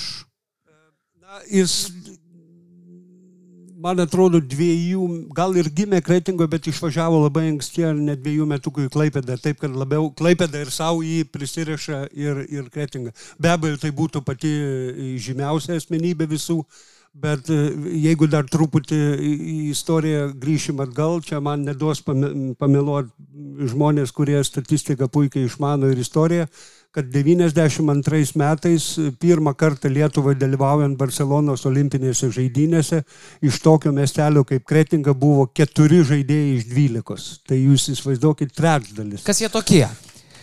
Krapikas, Tai čia gale. Brazdauskis. Pradedam Einikis, Pasdrasdis, Brazdauskis ir Krapikas.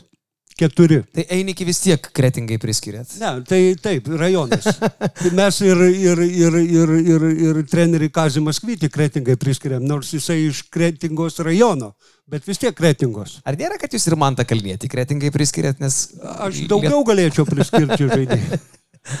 Ne, bet vis tik ką norėjau pasakyti. Mažas miestelis, treneris, kuris baigęs dvi savaitės fizinio lavinimo trenerių arba mokytojų kursus, e, išauklėjo keturis olimpinius bronzos medalius laimėtojus. Bet kas su ta kretinga darosi iš tikrųjų? Nu, tai nedidelė kvadratūra ir žmonių, ir kiek, gyventojų kiekis nėra Kai, didelis. kai aš gyvenau, buvo dv- 12 tūkstančių gyventojų, paskui iki 20 buvau pasiekę, bet galvoju, kad dabar irgi nedaugiau. Tai kas ten per mamos, kas ten per tėčiai? Kažkoks turi būti paaiškinimas. ką? Tai va, Didžiuojatės kretingą. tikrai taip. Esate ant kretingos gerbo.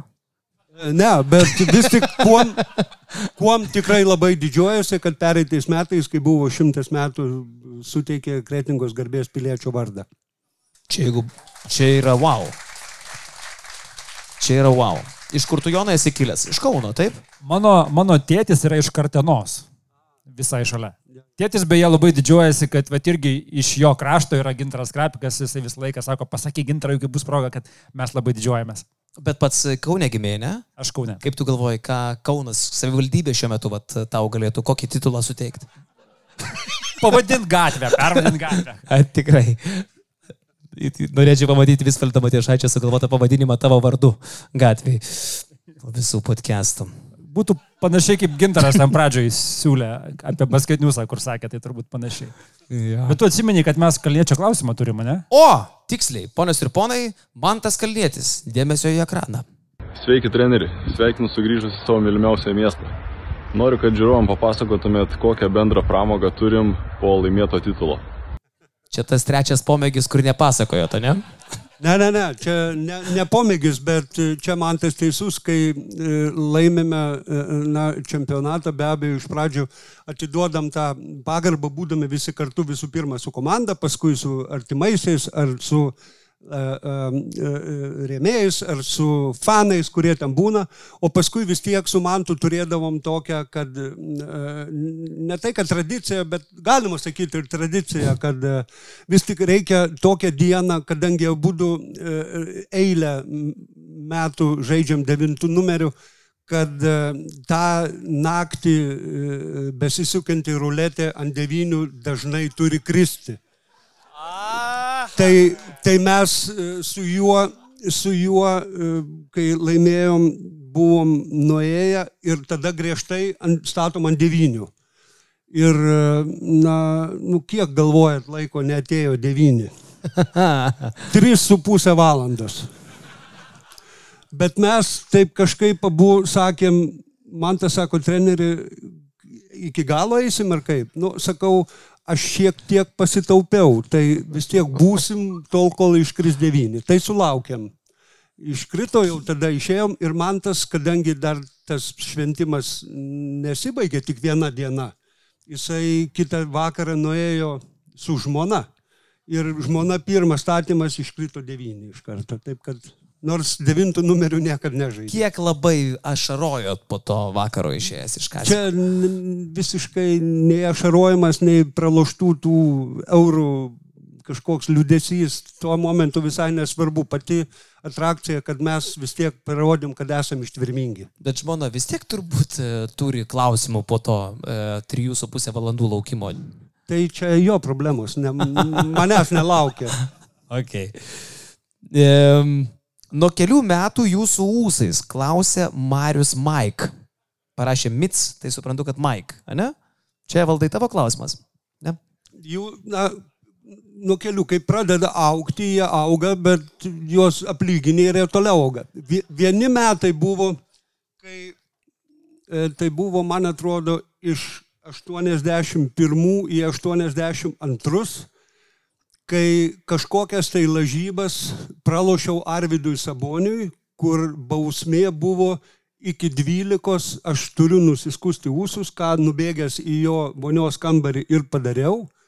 E, Tai toks jaučiausi, kaip mane būtų nurengę visiškai nuogą, paleidę be triusikų, be nieko.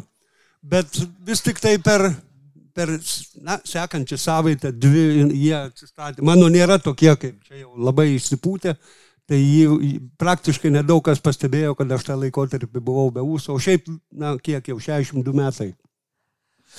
Bet aš galvoju, Brazys irgi buvo su ūsais, ar ne? Jisai buvo su Grifka legendinė ir su ūsais. Čia buvo trendas tuo metu? Ar čia kažkuris nuo kažkurio nugrojo šitą Tada taip reikėjo. ūsai? Čia trumpai, ten ilgai. Taip buvo. Geras. O kokią esat bairių, pavyzdžiui, su ūsais pridaręs? Aš Jokių. nieko ten, Ne, ne. nei kažkokių vikruntasų. Ne, ne. Mano, ką, iš ką iš jų padarysi, nei uždėsi, nei, už, nei užlenksi. Aš galiu pasakyti, ką su ūsais dar galima padaryti, bet aš bijau, kad mane dar kartą suspenduos. Tik dabar jau paskaičiu. Padaryti. Aš tai- aš tai jau- Baukutę astą dar galima Aš padaryti. tai jau stebiuosi, kad tu nepaklausai, ar yra buvę treneriui kaip uh, literaliai be triusikų lakstyti kažkur. Ne tai, kad jaustis kaip be triusikų, bet literaliai be Aš net nebejoju, kad Gintaras Krapikas tikrai yra lakstęs be triusikų. Be abejo. Na, ne, nebūdamas sporto ministru. Lakčiau, nes buvo kolegos arba... Turėjom tokių sporto ministrų, kurie irgi- Arba draugas, kuris, na, būdamas rimtose pareigose lakstė be nieko. Man tarp kitko, jūsų, e, taip, atsipertraukiau. Ne, ne, ne, gerai. Jūsų geras draugas, bent jau geras pažįstamas, tai tikrai Gediminas Navikauskas, mes šiandien pasiskambinome jis dabar Ukrainai su Budivelniku, ruošiasi čempionatui Europos, e, Europos, sakau, um, Ukrainos vyksta pasiruošimas ir sako, būtinai paklausk, jis buvo įrašęs klausimą, bet labai prasta garso kokybė, tai aš sutrumpinsiu. Sako, kada važiuodavom uh, autobuse, žalgerio laikais, sako, Krapikas su narkum susigalvodavo kažkokiu nesąmoniu, narkus tai yra komandos gydytojas, kaip erzinti e, Aleksandrą Kosauską, tai yra fizinio rengimo trenerių, su kažkokiam, sako, ekipiruotėm, kažką ar tai vogdavo, ar ka- kažkokias nesąmonės, sako, pastoviai darydavo. Įveskite į kontekstą, kas čia per vėjai, ką jūs ten išdarinėjot su narkum. Čia, žinot, kai tiek laiko praleidi na, kartu ir kelionės atidėti reisai kartais, na, būni kolektyvė, kur tu būdamas rimtas, nu, faktiškai neišgyvensi. Reikia surasti kažkokią pramogą, kažkokią, tą, kad ir pasijuokti iš kažko, šį kartą iš vieno, kitą kartą iš kito. Ir kadangi tiek e, Robertas Narkus, gydytojas mūsų Žalgerio komandos buvo ir rinktinės gydytojas tuo metu, Aleksandras Kosauskas, mūsų fizinio rengimo treneris buvo ir Žalgerį rinktinėje. Ir aš buvau kaip asistentas ir žalgiai rinktinė, tai mes ten tokių visokių bendrų klausimėlių ir žinodamo, kad Aleksandras Kosauskas labai mėgdavo, kad jam duodavo arba mum visiems duodavo kokią nors ekipiruotę, nemokamai ten naujausi naiko bateliai, apranga, maikutės, tai jis jau jų nepraleisdavo ne vienos. Tai mes tą to, tokią lengvą uh, silpnybę jo žinojom ir, ir, ir pataikydavo momentą, kai jis tik įeina į mūsų tą jau trenerių kambarį, mes tarp kitko kalbėdamosi su Robertu, o e, nežiūrint į tai, kad rinktinė būdavo tik tai vasarą, Bet rinktinė ir žiemą rinktinės atstovam aprūpindavo ten kokią nors e, žieminę striukę naują su rinktinės emblema, ten sportinius žieminius batelius. Tai įeina Aleksandras, o mes su Robertu atseit jau tą diskusiją vedam senai ir sakau, Robertai, gavai tuos batelius, jo. O sakau, o tie bateliai buvo tokie naiko ir ant tokių kaip, na, tokių stu- stulpiukų, kad ne, ne ištisas padas, bet ant tokių laikiklių. Ir, ir jie, jeigu eini per, per sniegą ar per purvą, jie ten apkimba ir juos reikia specialiai ten nuplauti, nuvalyti. Bet aš įsigalvojau, kad Robertai, o tu tau administratorius tą šepetuką batam valyti. Atsintė ar ne? Robis sako, ne, ne, dar negavau, bet jau kalbėjau, sakė, kad išsiūs.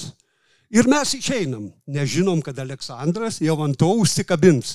Ir ką jūs galvojat, po minutės laiko jau Aleksandro telefonas rankose, o administratorius pavardė buvo Žvirblis. Žvirbli, kur mano šepetukas?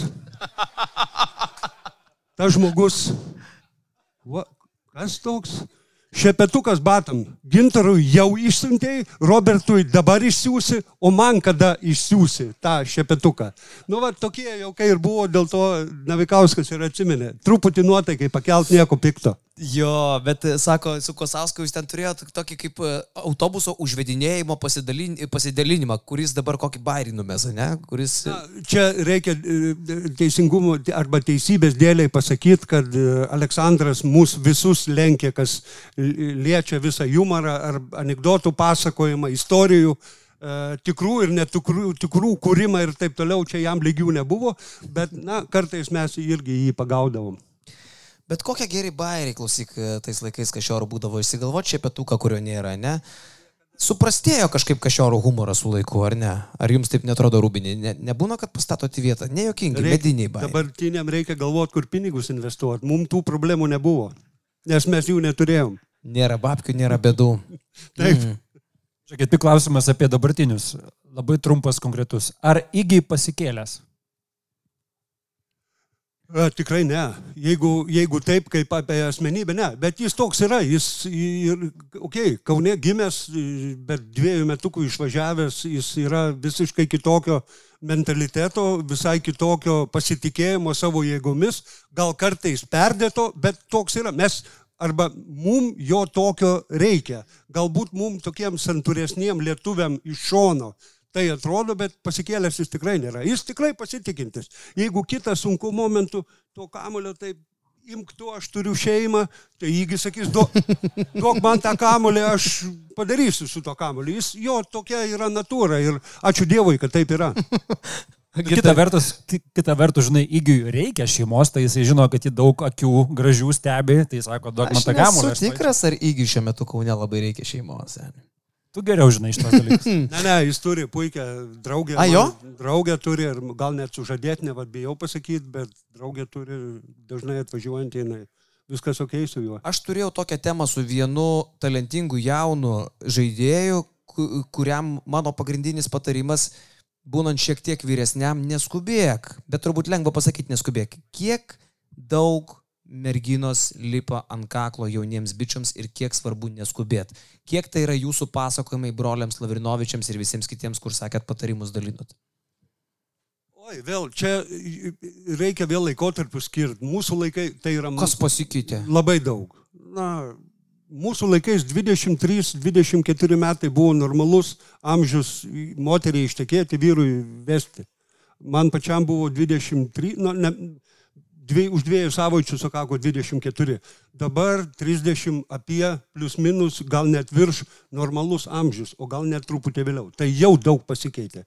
Kitas dalykas, kad, na, tos galimybės, ne tai, kad galimybės, bet dabar, na, nebereikalo NBA prieš prasidedant sezonui surenka visus jau pirmą kartą atėjusius į NBA komandas arba į, į patekusius į, į NBA, praveda specialius kursus, kad jūs žinokit dabar, gerbėmieji, nebūtinai jūs pagražėjot, nebūtinai jums kažkas atsitiko, tik jūs dabar uždirba daugiau pinigų. Taip kad truputį žiūrėkit, kas ir su kokio mintim jūs aplinkui supa. Ir, na, truputį paprotina, sakykim taip, nes, na, daugam pradeda rodytis, kad jie čia vos net Dievo vietoje yra ir visos moteris su juo nori bendrauti ir taip toliau. Taip kad dabar yra visai kitokie, kitaip, kit, arba sakykime, kitokie uždirbami pinigai, plus ne, ne, na, ne visos merginos ar moteris ieško meilės, kitos ieško ir patogumų. Kokiu?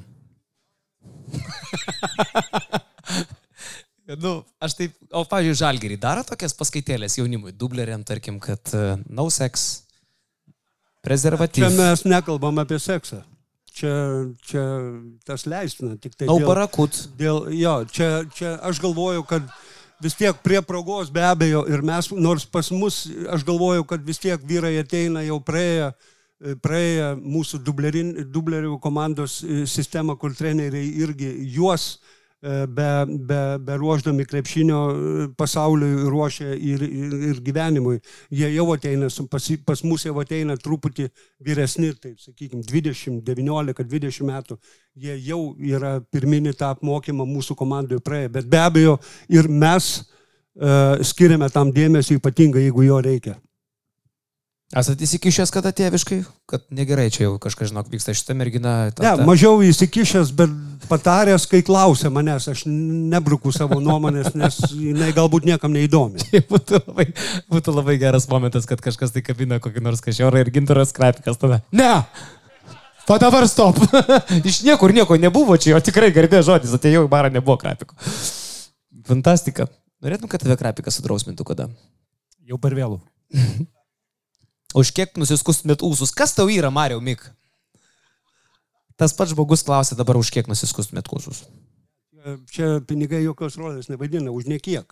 Bet yra viena situacija, kurios, kurios aš, Karoli, tu manęs per podcastą klausai, aš tau neatsakiau ir jinai išlieka. Yra viena situacija, kai aš ūsus nusi- nusiskusiu, bet tai neturi nieko bendro su pinigais.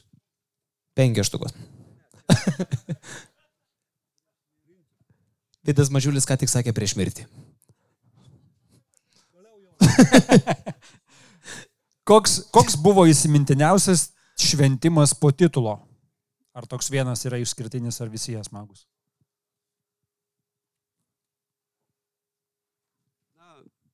vis tik labai pasisekė gyvenime, kad tiek kaip žaidėjui, tiek kaip ir na, treneriui tų titulų tikrai buvo ir tų šventimų buvo. Bet e, e, kad kažkokį specialiai vieną, aš tik galiu pasakyti, kad čia, man atrodo, Rimas geriausiai moka tuos dalykus papasakot, kad Kurtinaitis, kad mes iš tikrųjų bent jau tuo laikotarpiu, kaip žaidėm, mokėjom, mokėjom susikaupti, kai reikia žaisti, atžaisti, kažką laimėti, bet tada mokėdavom ir tą, na, atšvesti tą mūsų laimėjimą. Tik tai kartais man labai nebepatinka, kai pagrindė viskas būdavo su, va, jūsų laikai, jūs tik ten balevojo, tik gerėt nieko, tai iš kur būtumėm kažką laimėję. Tikrai tai nebūtų, tai nėra tiesa, bet kad truputį, na, taip plačiau ir tos galimybės buvo kitokios. Jūs įsivaizduokit, kad, na, mes, aš arba asmeniškai, kai žaidžiau, e, šitų žaislų dar nebuvo. Ir mes galėjom savo truputį daugiau leisti, be didelių pasiekmių.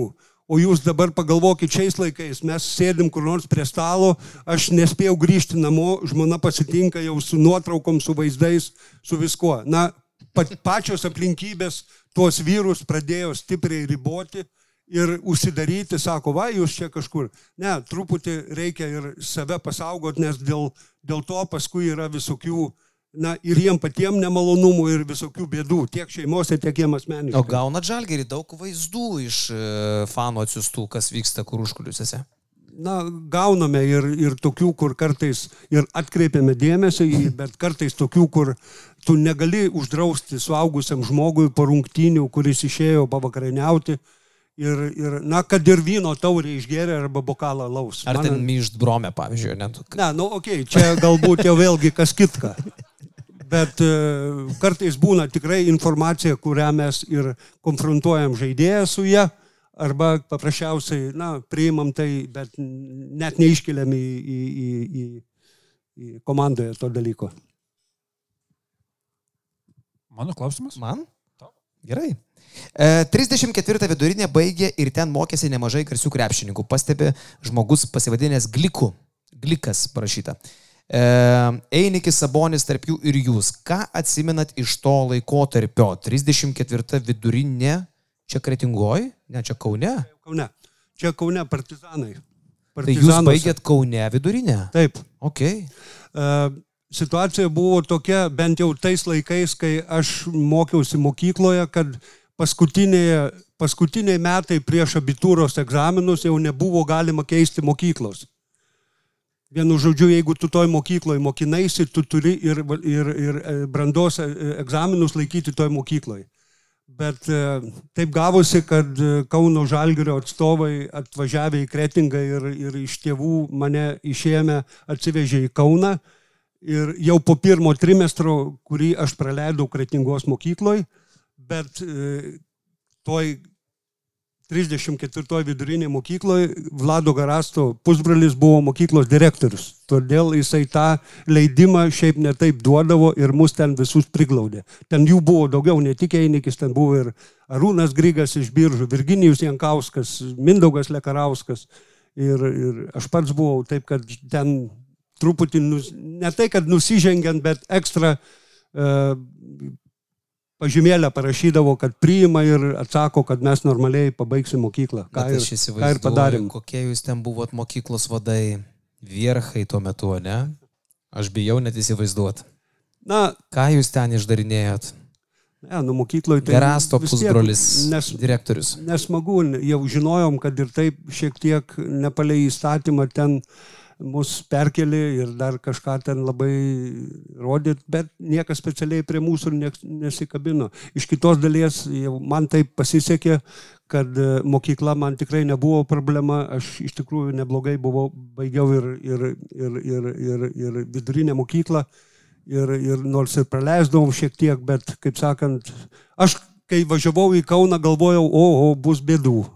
Bet kai paskui pasirodė, kad mūsų Kretingos vidurinė mokykla, kurioje aš tada mokiausi, buvo tikrai labai stipri ir ypač stipri buvo mūsų klasė, kurioje buvo daugiau kaip pusė toje mokykloje dirbusių mokytojų vaikų. Reiškia toks specialus dėmesys ir dėstymas ir to tikrai pilnai pakako, kad aš ir praleisdamas nemažai laiko dėl rungtynių baigiau normaliais pažymiais vidurinę mokyklą.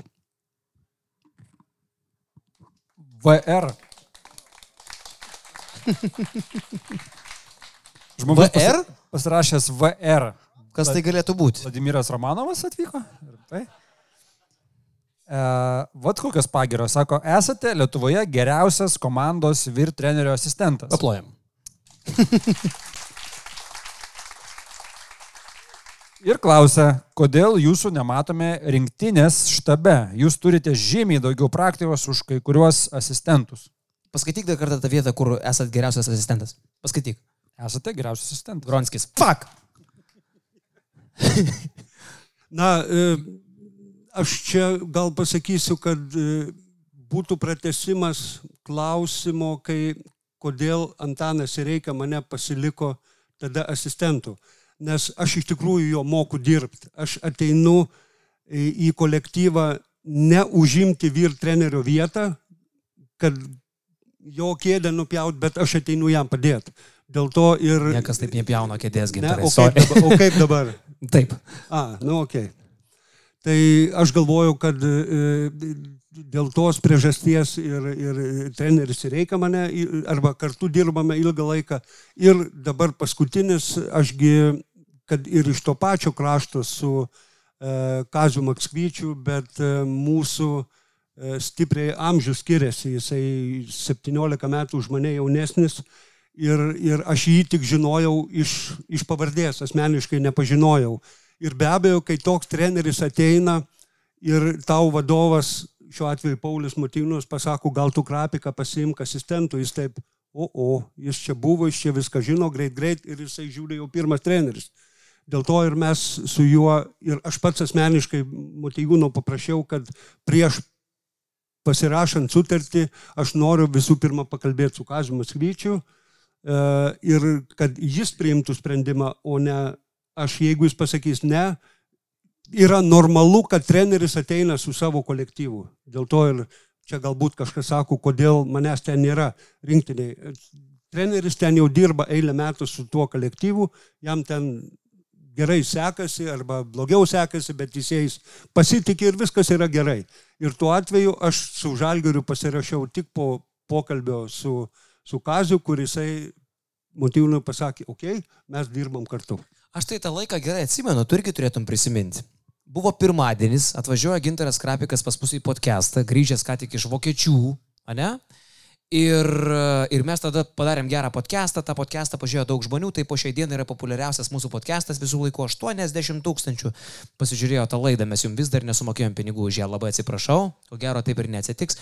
Bet tame podcast'e, tiksliau jam pasibaigus, pamenu, kaip e, mes klausėm gintaro, tai gal čia žalgiriukas kažką, sako, jokių kalbų. Jūs nuoširdžiai kalbėjote, tą pirmadienį dar nebuvo jokių, jokių kalbų. Praeina dvi dienos ar trys Gintaras Krapikas grįžta į Žalgį. Ten viskas įvyko per 2-3 dienas realiai. Tikrai taip. A ne? Momentaliai. Tai pirmiausiai Paulius kreipėsi, ne?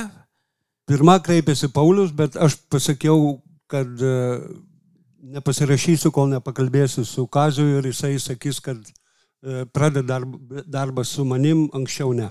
Randant su Kaziu bendrą kalbą visais klausimais ir būna, kad... e, Būna. Pasi... Būna. Pasi... Tai ir gerai. Tam, tam yra tada žmogus gali dirbti vienas ir, ir jam galės atrodyti, kad visi jo sprendimai būna teisingiausi.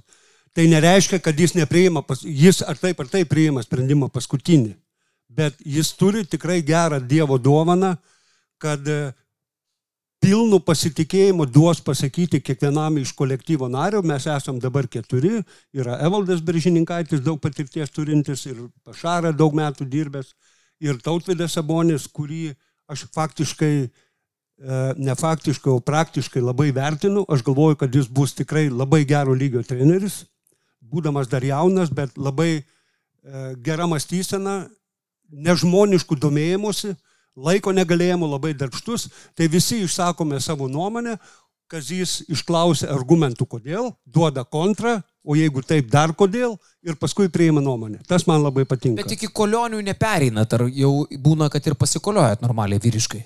Na, mes ne, bet jisai su, daleiskim, kur su Evaldu, kur dirbė, daugiau yra, kur galbūt rinktinėje yra kažkokių buvę jau nedidelių konfliktėlių kažkuriais klausimais ir jie vėl čia iškyla, tai kad tą viską nutrauk gal ir tada viskai aštriau būna kalbama. Bet šiaip tai aš galvoju, jeigu visi tik galvą palenktų, oi treneriu, koks tu protingas, daryk taip, tai ką mes tada darysime. Reikia pataikauti treneriui, nes Kam? kitaip jis gali išmesti iš darbo. Ne, tai tegu išmeta, jeigu tai ką, jis neišmes. Bet e, šiaip... Aš nežinau, mes taip paskaitinius lendami šikna vieni kitiems ir viskas ne, ne, normaliai. Čia būtų, būtų tikrai blogai, jeigu tik tai, tik tai savo nuomonę klausytų. Kai kalbėjote apie Tautvidą Sabonį ir sakote, aš jį a, faktiškai, praktiškai ir galvoju, sakysit, užauginau. ne, ne, ne. Jisai... Bet jūs matėt jo gimimą, garantuotai, Tautvido Sabonio? Ne. Nu, bet bent jau tu tuo metu buvot šalia Arvido Sabonio. Taip. Va čia koks turi būti geras jausmas. Čia nerealus jausmas. Dabar jūs dirbat viename štabe su žmogumi, per kurio gimimą jūs darėt ką? Chorų, Va čia tai ir bloga nuomonė. Čia ir sakiau, kad mes ne tik gėrėm, mes ir žaidėm dar. Bet to, nu, tą dieną rungtinių gal nebuvo. Ne, ne, viskas gerai. Čia. Fantastika. Kuri, e, kurio vaiko gimimas pats įsimintiniausias iš senųjų žalgriečių, jau kur tikrai įsiminė, kaip kad ferverkai šaudė ir brazys per raudoną policijai mojuodamas lėkė? Aš galvoju, kad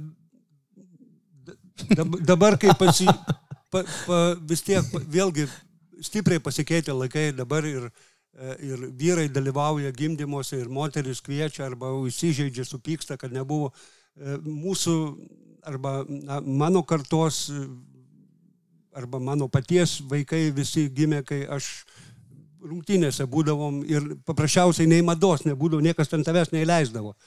E, lauk namie arba kaip mūsų geras draugas Brasdauskis nuėjo pirmą kartą be jokios informacijos į gimdymą, nežinodamas, ko reikia tikėtis, tai įsivaizduokit, kad daktarai turėjo žymiai didesnių problemų su juo, negu su begimdančia moterim. Jis tai... baigė karjerą, man atrodo, kitą dieną po to, taip? Ne, ne, čia nežinau, bet žinau, kad kojos buvo aukščiau negu galva tuo momentu.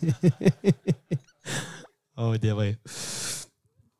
Dabar mano klausimas. Aš noriu dar pasikalbėti šitais klausimais. Nu gerai, varyk. Mane mažiau lapelių. Gerai. E, o Jėzus, e, sena žaizdas, mėgsta treneriį paverkti.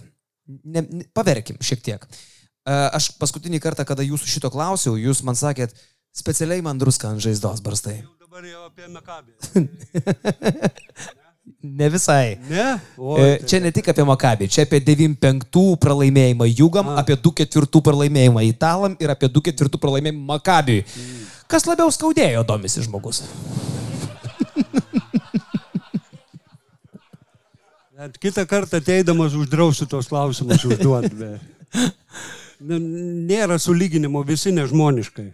Vienu, vi- vienu, vienu, vien, vien- vienam 95 metų galėjom e, tapti Europos čempionais, 2004 metais galėjom būti olimpinių žaidinių e, finale mažiausiai ir, ir 2004 metų galėjom pasiekti ir Final Four, kuri nevyktų e, kurį turėjo vykti Makabi, reiškia, nebūtų šeimininkų ir mūsų komandai buvo Arvidas. Tai reiškia, buvo visos žvaigždės apkritusios, kad mes tų metų Eurolygą laimėtume. Bet čia yra, žinai, aš nežinau, ar verta apskritai kalbėti čia, kur labiau skauda, ar tralivalį, nu čia yra viskas, viskas siaubinga. E, bet aš taip galvoju, kokius randus tokie dalykai palieka. Būna, kad prabundat išpiltą šlapio prakaito ir dar tose rungtynėse, netyčia vėl. Ne, to jau dabar nebūna. Buvo iškart po šviežiai taip, bet e, e, visą laiką lai, arba laikas nuo laiko primena, ar tai spauda, arba televizija rungtynės rodo, arba Gustai!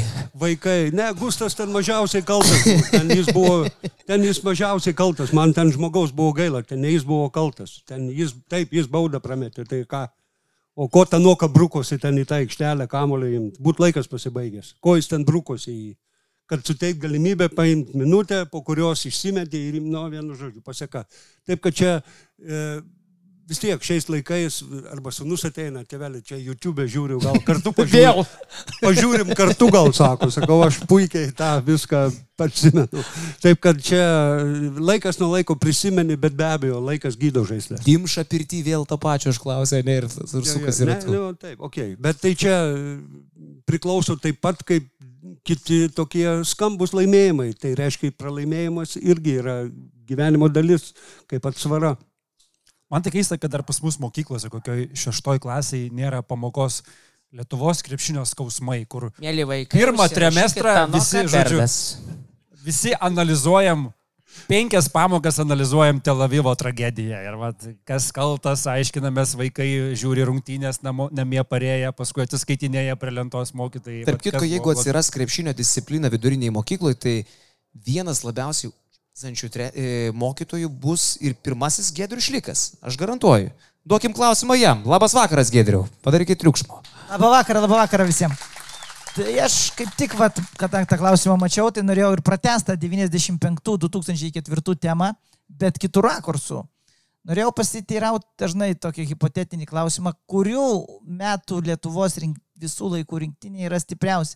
Pavyzdžiui, tarp 95 ir 24, nes buvo ir to ir to.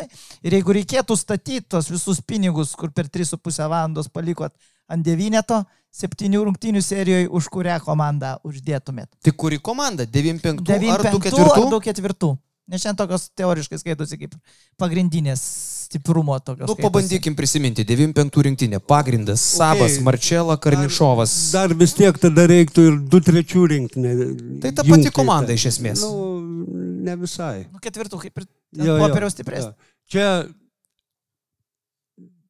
skirčiau pinigus pusiau ne dėl to, kad vengiu atsakymo, ne dėl to, kad vengiu atsakymo, bet vis tik tai komanda 95 su tokiais žmonėm, kur pralošus Europos čempionatą, tiek naudingiausias žaidėjas čempionato, tiek geriausias čempionato žaidėjas, tai buvo Sabonis ir Marčiulionis išrinkti iš pralaimėjusiųjų komandos. Ką tai kalba? Taip nebūna. Visą laiką renka iš laimėtojų komandos. Bet jie antiek dominavo abu, kad juos išrinko net pralaimėjus. Tai neįtraukti tos rinktinės žaidant tokiem žvaigždėm, tai yra, na, būtų jau, jau neteisinga. Kitas dalykas, 2-4 metai, kur komanda, na, aš asmeniškai pažinojau labai neblogai italų rinktinės trenerį.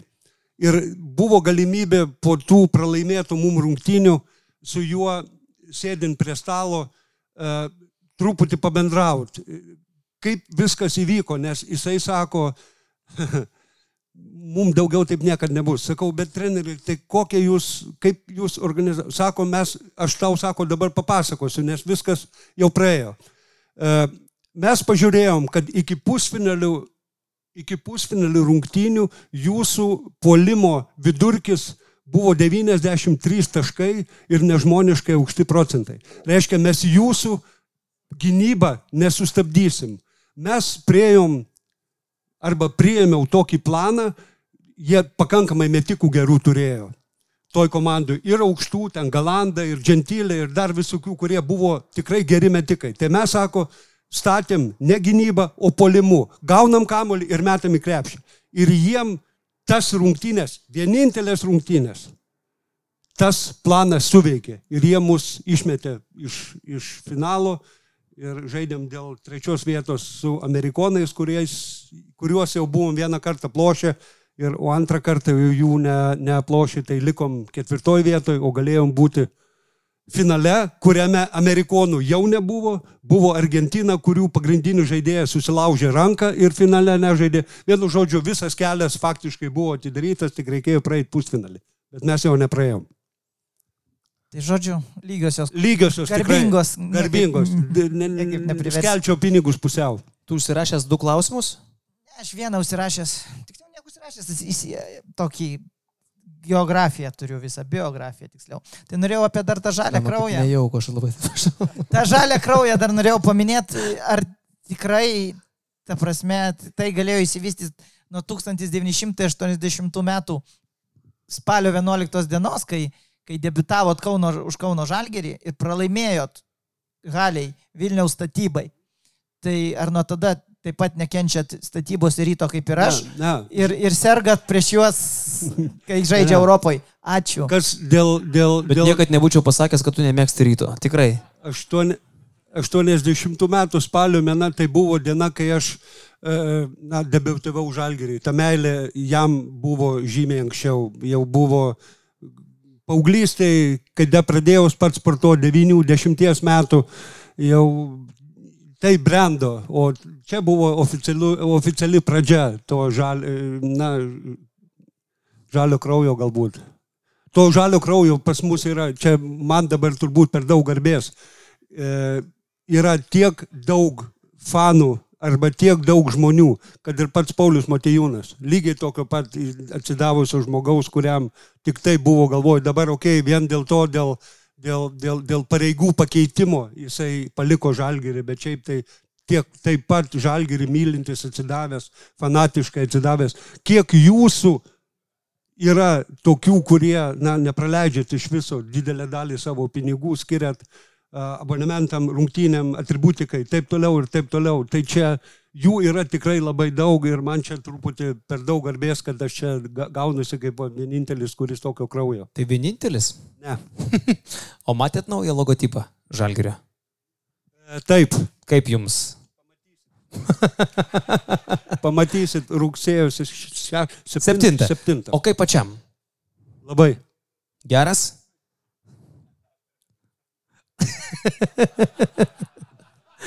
Sakiau, labai. Yeah.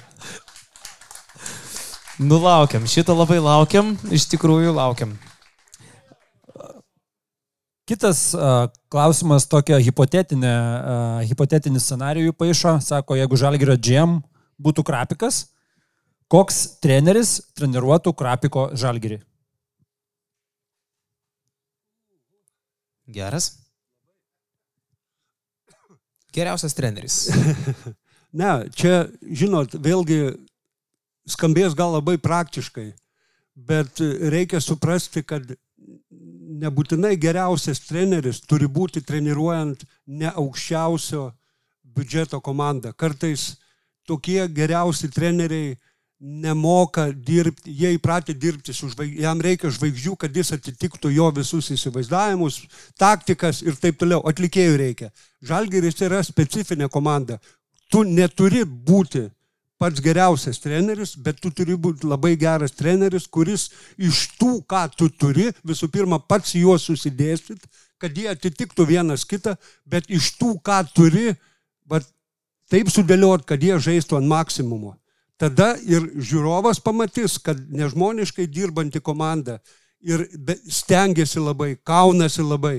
Tada ir jų palaikymas tau tų procentų padeda, kuris tave stumia į priekį, ko tu jau galbūt pats nebepatrauki. Ir tokie, toks treneris būtų pas mane e, žalgari treneris. Gal tada kitaip paklausiu, kokį žalgyrį galėtų Zūrosas treniruoti? Ne, nu, nenorėčiau pavardžių, jis, žm- man asmeniškai buvo jo labai gaila. Aš kai atėjau, jisai buvo palikęs Graikijoje namus, atsivežė šeimą, nežinojo, kad sutartį turi ar dviem ar net trim metam pasirašęs, e, pardavęs ar išnuomavęs e, visą savo palocių, įsikūręs čia, kad reiks ilgai būti ir jūs įsivaizduokit, žmogui taip atsitinka, kad tave lapkričio mėnesį jau paleido. Ir žmoniškai, žmogiškai man buvo jo tikrai labai gaila. Bet čia tas ir yra negailestinga profesijos dalis, kuri yra reali. Ir tai jam atsitiko labai Na, gaila. turbūt yra išeitinės kompensacijos ten. Na jo, vėl, čia vėlgi ta piniginė išraiška, bet tu vėl įsivaizduok žmonai, grįžti ir sakai, klausyk, mes rytoj vėl viską pakuojame su, su mažais vaikais ir grįžtam į ten, kur neturim kur grįžti. Čia yra daug pusių ir man jo žmogiškai buvo tikrai labai gaila. Bet čia nėra gailėšio. Šitą netikėtą pabaigą, gintarai. Ar Motejūno nauja e, karjeros stotelė gali atnešti finansinę naudą žalgiriui? Įdomisi Vitenis iš Kauno, tarp kitko, aš net kaip parodysiu, čia va jisai sėdi. Ne, ne, nes muida. Kitas Vitenis. Ar, ar jūs kalbėjote su Pauliu apie tai, kad jisai padės žalgiriui būdamas Eurolygos savininku? Jeigu, Savininku jeigu, vieninteliu. jeigu jisai tai pradės daryti, tai mes greitai jį turėsim atgal. Čia nereikia tokiais dalykais juokauti ir jis per daug protingas, kad jis tai darytų.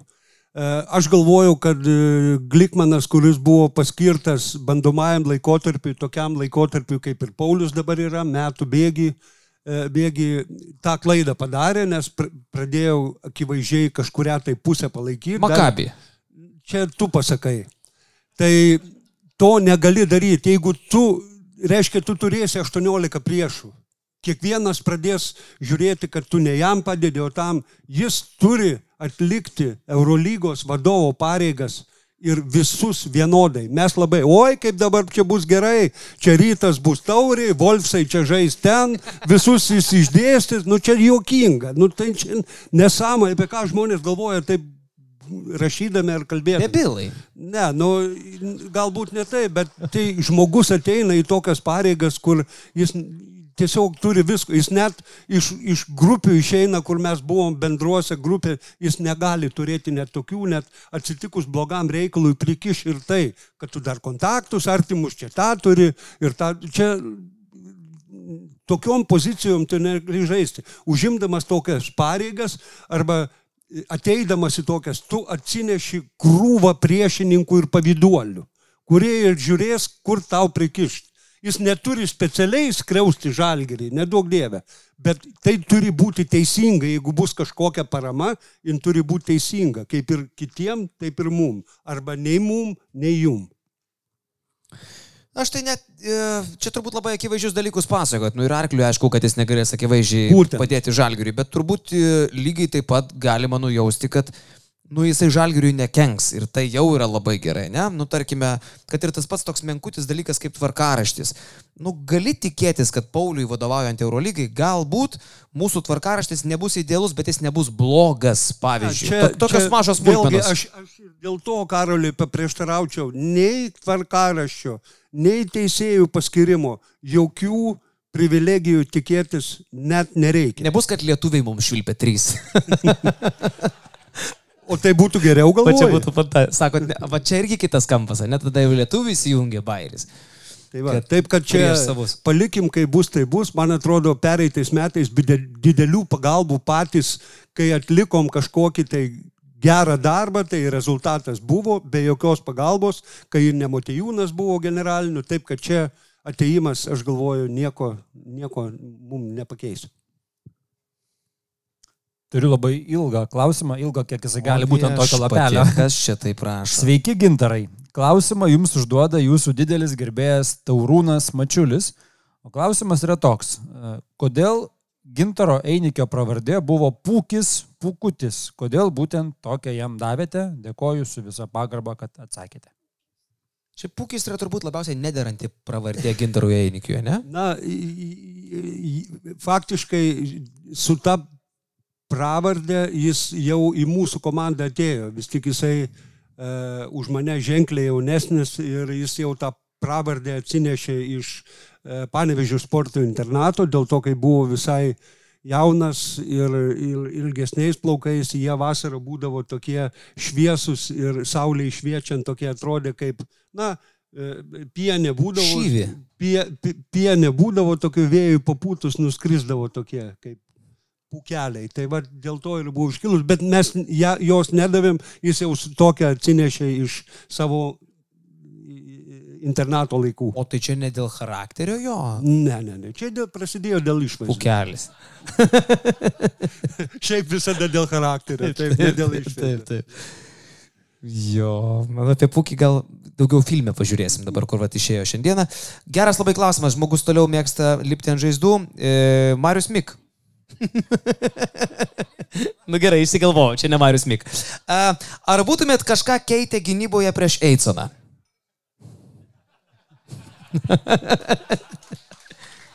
Eisono sustabdyti mes negalim. Galit kalt mane prie kryžiaus. Jo.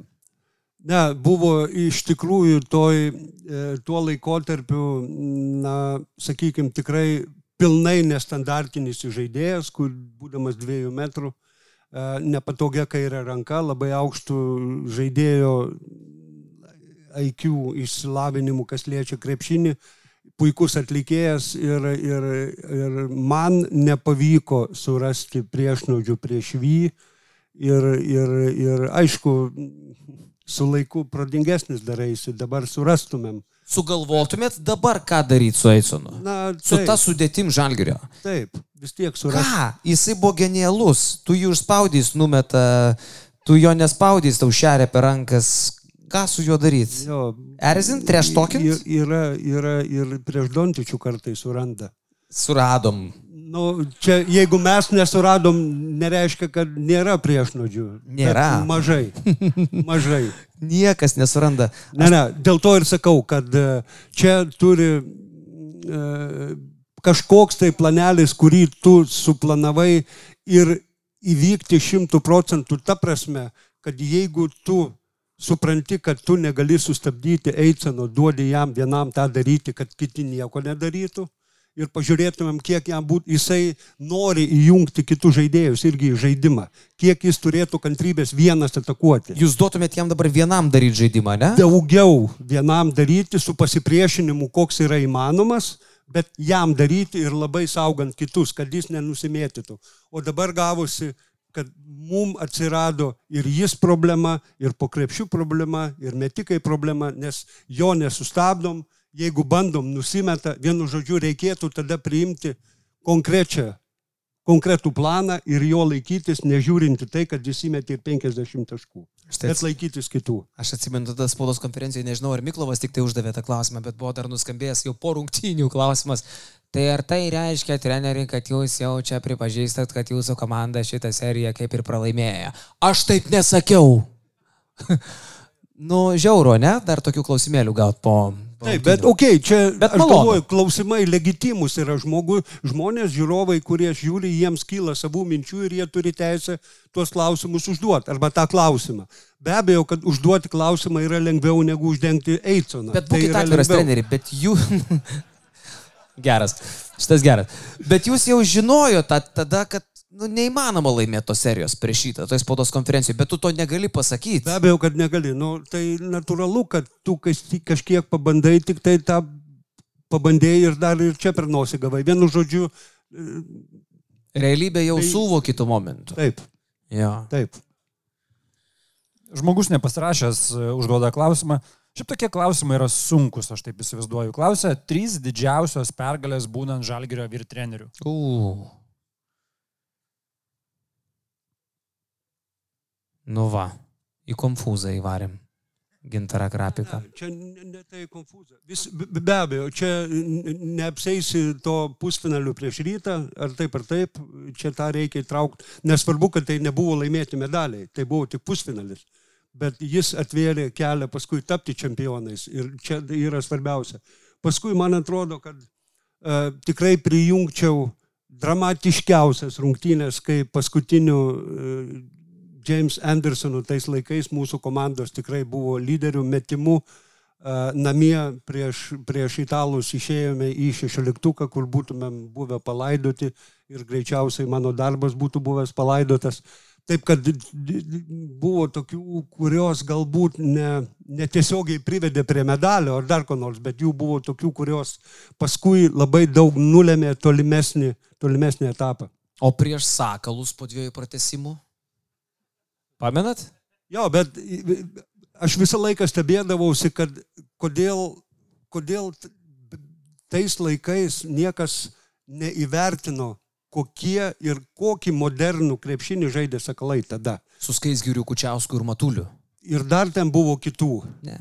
Buvo, kurie, kurie dabar, na dabar, kaip vėlgi aš grįšiu prie tą Golden State Warriors, kur Kariai Thompsonas ir visi kiti, kurie be gailėščio mėto, tai vad sakalai buvo tokio stiliaus ir, ir na, jie taip žaidė nestandartiniai, arba čia kaip ir, kaip ir Antano Sireikos komanda žaidžia, arba kaip Virgio e, e, komanda žaidžia. Nu, jinai atrodo, nu, tu negali jiem pralošti, bet tu negali atsiplėšti. Ir tu žiūri, kad yra Ypač galimybė. Akinstoj dar ypač, ne? Ne, nu tai taip, ar ten pas prienuose būdavo, ar, ar ten, kur e, prienai taurė laimėjo, kur ir žalgerį, ir rytą aplošė finale. Taip, kad būna tokių, tie duosi stipresnę komandą, su ta taip gerai neina.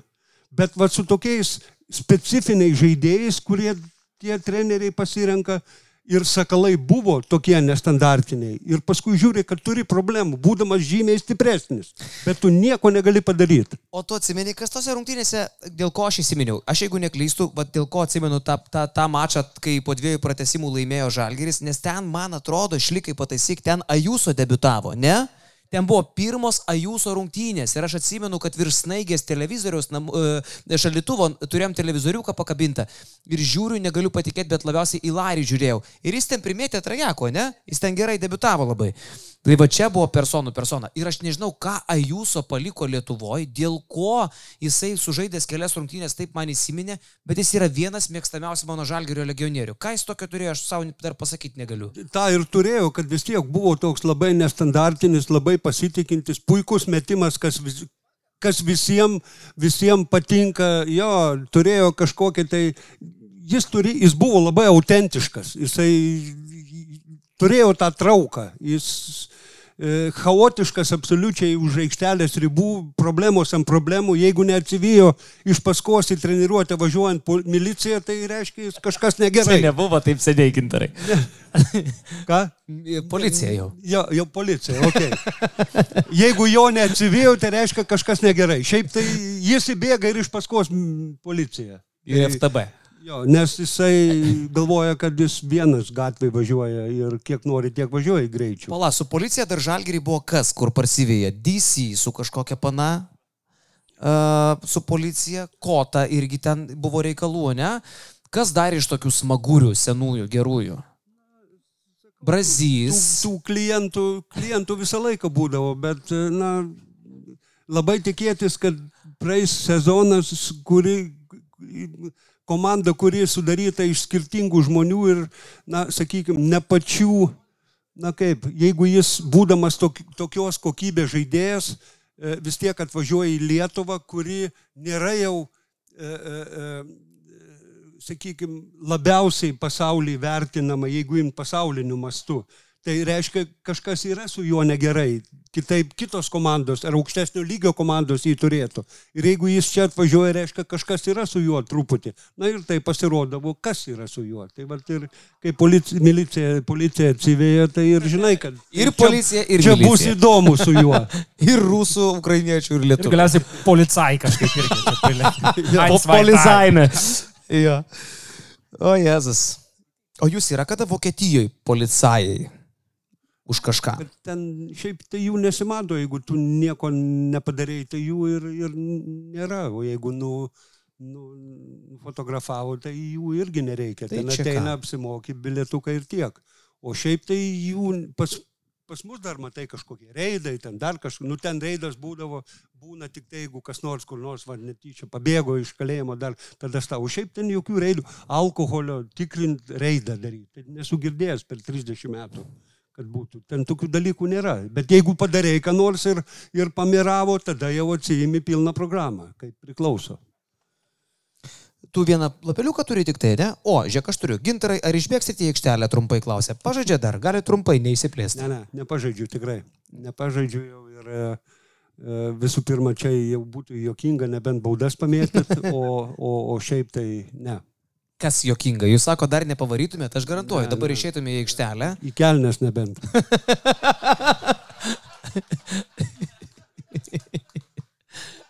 Aš vakar tą patį pajaučiau, žinok, su savo kelieniu išėjau pamėtyti. Viskas. E, gintarai, sako, žiūrėjot vakar rinktinės rungtynės, girdėjot komentatorių juoką šeimos atžvilgių? Tymos atžvilgių. E, kaip jūs, kaip treneris, po blogų rungtynių žaidėjus paguosdavot ir e, gal pamenat labiausiai nusirengusi, nu, nusirenkusi žaidėją žalgyryje. Taip, ne? Nusiminusi gal įsivaizduokim, nusibaudusi. Erni 15 klausė. Erni, tikrai nedidžiausia bėda yra su pagoda krepšininkais, daug blogiau su tavo raštu. E, bet įsivaizduokim, nu, reikia guo žmonės po e, tokių vat tymos pasirodymų. Ne? Ką tymai būtumėt po tokių rungtynių? Gerai, tyma gal blogas pavyzdys, nes jis tiesiog grįžo, grįžo namo ir darė, ką jis darė daug metų, bet yra žmonių, kur tikrai reikia paguost, kur tu matai, kad sunku, sunkus Čia, momentas. čia vėlgi yra Spaudžia surišta- žurnalistai, spaudžia fanai, visi Čia spaudžia. vėlgi surišta, kad e, tu, na, jeigu grinai prie jo pavyzdžio, kad tu atvažiavai į rinktinę, į kurią reikia pakliūti, tai tu turi rodyti ir pastangas, viską kitaip, na, kas galų galiai ir atsitiko jį ir atkabino kaip vieną iš paskutinių ir jis į pasaulio čempionatą nevažiuoja. Bet klubiniai komandai, kai tu, na, po nepasisekusių rungtynių, netgi kartais dėl žaidėjo kalties nepasisekusių rungtynių, e, tu žinai, kad jis vis tiek tavo komandoje dar bus ilgą, ilgą laiką. Ir jeigu tu dabar jį čia tik sukaposi, tai tu dar ilgiau jį prarasi. Priklauso ir nuo žmogaus. Jam priekaištą išsakyti taip, objektyvų ir tikslingą, dėl ko tu jam priekaištauji, bet vis tiek po kiek laiko tau reikia surasti būdų, kaip jį ir pakelt, nes jis dar kelis mėnesius bus tavo žaidėjas. Bet kaip atrodo palūžę žmogus e, krepšinėje, krepšininkas? Tu žinai, kad jis talentingas, tu matai, kad jisai pataiko trefkiai, tu matai, kad jisai daro dalykus, kalba visą kitką, bet e, vieša nuomonė, ar fanai, ar, ar žurnalistai, ar podcastai, ar kas tik tai nori, tu matai, kad jį keičia. Jūs tą pastebit, pavyzdžiui, ant parketo realiai. Taip, be kalbų. Čia, na, jūs dabar supraskite, kad ir jūsų pakankamai daug atsirado, kur kiekvienas turi kažkokią nuomonę pasakyti, ar, ar, ar vienokią, ar kitokią, kiekvienas turi savo nuomonę ir kuo ją pasakysi griežtesnį, tuo labiau gal auditorijai patiks. E, Nors mes žaidėjom pasiūlom, ką daugelis ir nedaro, neklauso jų. Tų Krepšinis net podcast. Ne, ne tik, aš šiaip, jų yragi daugiau, ne tik jūsų. Taip kad čia iš kitos pusės e, yra tų vadinamų treniruočių pasaulio čempionų, kurie, na, neįtikėtinai gerai atrodo treniruotėse, kol neprasideda rungtynės. Bet čia jau yra žmogaus natūra tokia, jį tas rungtynių stresas, aplinka, atsakomybė tiek iškerta iš, iš, iš vėžių, kad jie nei dalies neparodo. Be abejo, dabar yra tų galimybių, kad ir galų gale ir patys treneriai jau yra na, pusiau psichologai, kurie gali tau padėti, bet yra paprasčiausiai ir, na, žmogus nesusitvarko su nervais ir tai seka visą jo karjerą ir jis nepasiekia gerų rezultatų. Aš treneri- Būdamas labai talentingas. Turiu unikalų patarimą, kuris ką tik gimė mano mažoje galvoje. Ir tai nebūtų nelegalu. Atsimenat, buvo toksai slovenas krepšininkas Micha Zupanas. Taip. Jisai e, buvo beveik negirdintis, Taip. žaisdavo su aparatukais. Kodėl negalima, pavyzdžiui, įdėt kašiorams ausinukių su jų patinkama daina ir visas rungtynės jie žaidžia į ritmą, to laisvai atsipūtę, be streso, be sielvarto, jie tiesiog savyje panyrė ir mėgojas krepšiniu. Mika Zupanui netrukdė negirdėti komandos draugų, jis puikiai žaidė krepšinį. Su daina, su nuotaika, kas ką nori, tas tą klauso. O toks va krepšinis. O tu dabar girdėjai, ką pasakėjai? Taip? Tai Županas buvo vienas. Ir, ir tai čia yra ta išimtis, kuri patvirtina fanų taisyklę. girdėsi, Ne, ne. baubimo nieko. Aš galvoju, kad kaip tik žaidėjas turi publiką jausti ir, ir, ir daugelį, su, publika daugelį sutramdo, jis turi girdėti. Jeigu na, grybą pjauna, tai jau žmonės skatins, arba treneris skatins, arba komandos draugai skatins, jis turi aplinką jausti. Ir jeigu jis yra normalus, jis į ją reaguos. Na, yra, kurie nereaguoja, bet tai čia taip išeina. Pas mane padaugėjo lapukų, e, bet... Iš kur? At- Atvyko dar vienas Arnas, parašė klausimą, kurį aš perfrazuočiau į kodėl ryte teka saulė. Klausimas yra, iš kur kilo tokia didelė meilė ir aistra krepšiniui? Dieve, kaip neįdomu. Nepyk, Arnai. Kaip į tokį klausimą atsakinė? Turi apsimest, kad įdomu ir rimtų veidų atsakyti, ne kažką. Nu, pabandykime, iš kur taip mylit krepšinį, gintarai. Man atrodo, kad čia tą klausimą bet kuriam iš žmonių galima užduoti. Daug kas jį myli ir aš esu vienas iš tų, tik tai, kad mano ir gyvenimas su tuom dar nesąmonė, kai surišta. pagalvoji, taip. ne, kamuoliuką Bet- mėtom į skilutę ir va. Ir džiaugiamės, kai vaikai. nu, bet taip yra. Bet kaip žavu. Kas čia? jo. Bet iš tikrųjų, Jonai, tu savo turi atsakymą į klausimą, bet kodėl tu myli tą krepšinį? Iš neturėjimo ką veikti, realiai. Iš neturėjimo ką veikti. O ką daugiau daryti? Baigėsi vasara ir jau jauti, kaip laukia Eurolygos sezono pradžios. Nes nu ką daugiau veikti? Čia gal, klausyk, klausimas yra, kokia gyvenimo prasme? Čia gal mes radom Lietuvoje atsakymą?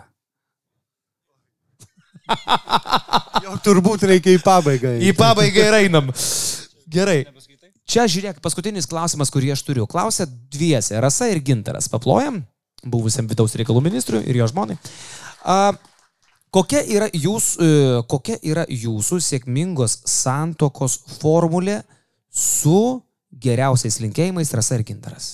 O čia yra, mes galėjom baigti e, šitus pasikalbėjimus su šitų klausimų, ne? Aš įsiterpsiu su savo uh, krepšinišku klausimu ir mes pabaigsim su šeiminišku. Gerbiamas treneri, pirmiausia, pagarba už žalę kraują. Klausimas. Nu, čia negali tokių pabaigti klausimų. Ar savo laiku, kokiu, kokiais dėjimais savo laiku pavykdavo... Apie, pakalbėkime apie... 3 šiam ar 108. Gintaras 3 šiam įsivaizduoja, deda. Rimtai kažkas paklausė.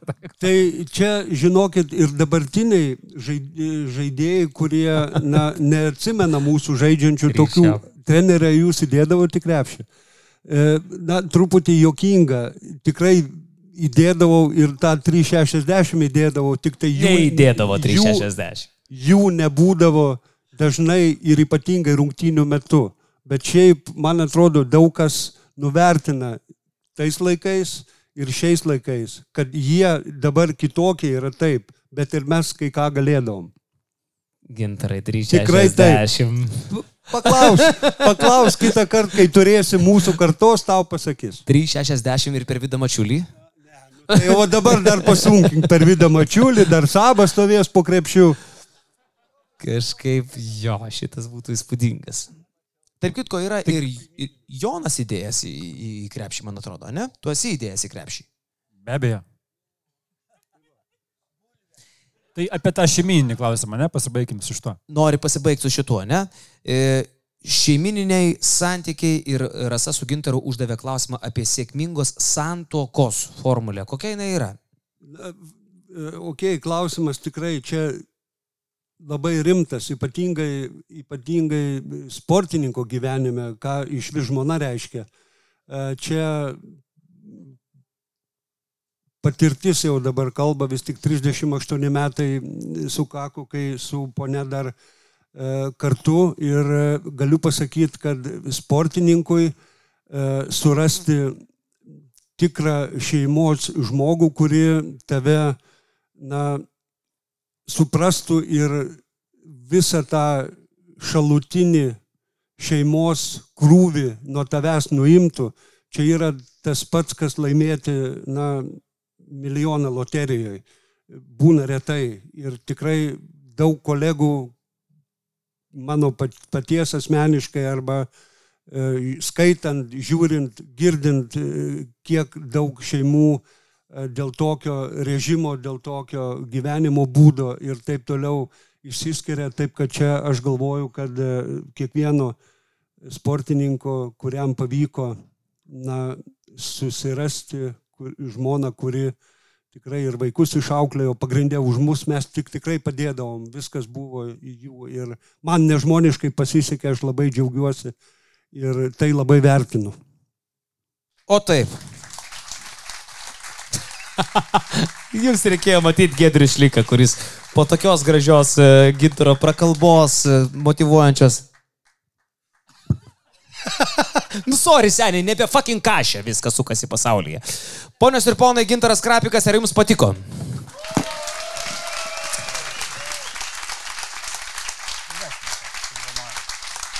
A, Turim, turim tas kelias knygas, kur sakiau, padovanosim. Iš tikrųjų, iš pradžio apie tą trišiam klausimą pasijokėm, bet gavom, sužinojom, kad gintaras dėjo trišiam. Tai vien už tai žmogus sugalvojo šitą klausimą tikrai nusipelno knygos. Atsimenu, kad treneriui patiko klausimas apie džiemą, jeigu būtų džiemas, šitą atrenkam irgi. Dvi knygas turim ką dar. Apie Eisuną buvo geras klausimas, ne? Irgi atsakymas. tai čia mes nusprendėm patys? Mes nusprendžiam dabar ekspromptų. Taip, jūs pritarėt. Tai dar pasimkite mikrofoną, priminkit, kad jūs pritarėt. Taip pat oficialiai pritariu. Tai turim tris, o ketvirtas klausimas koks, kas dar vertas gauti. Žinai, kas yra? Ketvirtas klausimas bus žmogaus, e, tiksliau dovana ket- ketvirtam, kuris tiesiog pakels ranką ir užduos paskutinį klausimą, kuris labiausiai tinka pabaigai. Iškelia ranką pasikasę galvą, ne?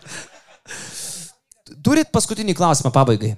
Kokį nors tokį gerą razinką, kur taupėt, nepaklausėt, neišdrįsot, nors magą, žinai, ir paskui išvažiuoju, išvažiuoju iš pokalbio ir galvoju, blemba, galėjau paklausti, bet neišdrįsau, sėdėjau savo kaip durnius ir vat ir nepaklausiau, nors tikrai turėjau.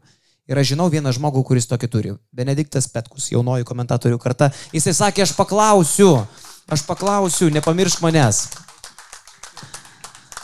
Kas Labas ten vakaras. sėdi? Sveiki, labas vakaras, ačiū už suteiktą žodį. Tai visų pirma, naudodamasis progą už tą vakarykštį postą apie Vydą Mačiulį, norėčiau pasiūsti Nahu Andrių užkalnį. O antras dalykas, tai būtų toks kaip ir klausimas. Graži pabaiga. Nu kažkaip jaukiai galvoju gal. E, o antras dalykas, tai būtų toks kaip ir klausimas, kaip ir pageidavimas. Gal dar galėtum pasakyti, ką galėtų čiulpti Andrius užkalnis pabaigai? Ai, nahui pasiūs galėjai, ne? Ką čiulp, nu ką, ką galima čiulp. Tai klausimą galiu užduoti.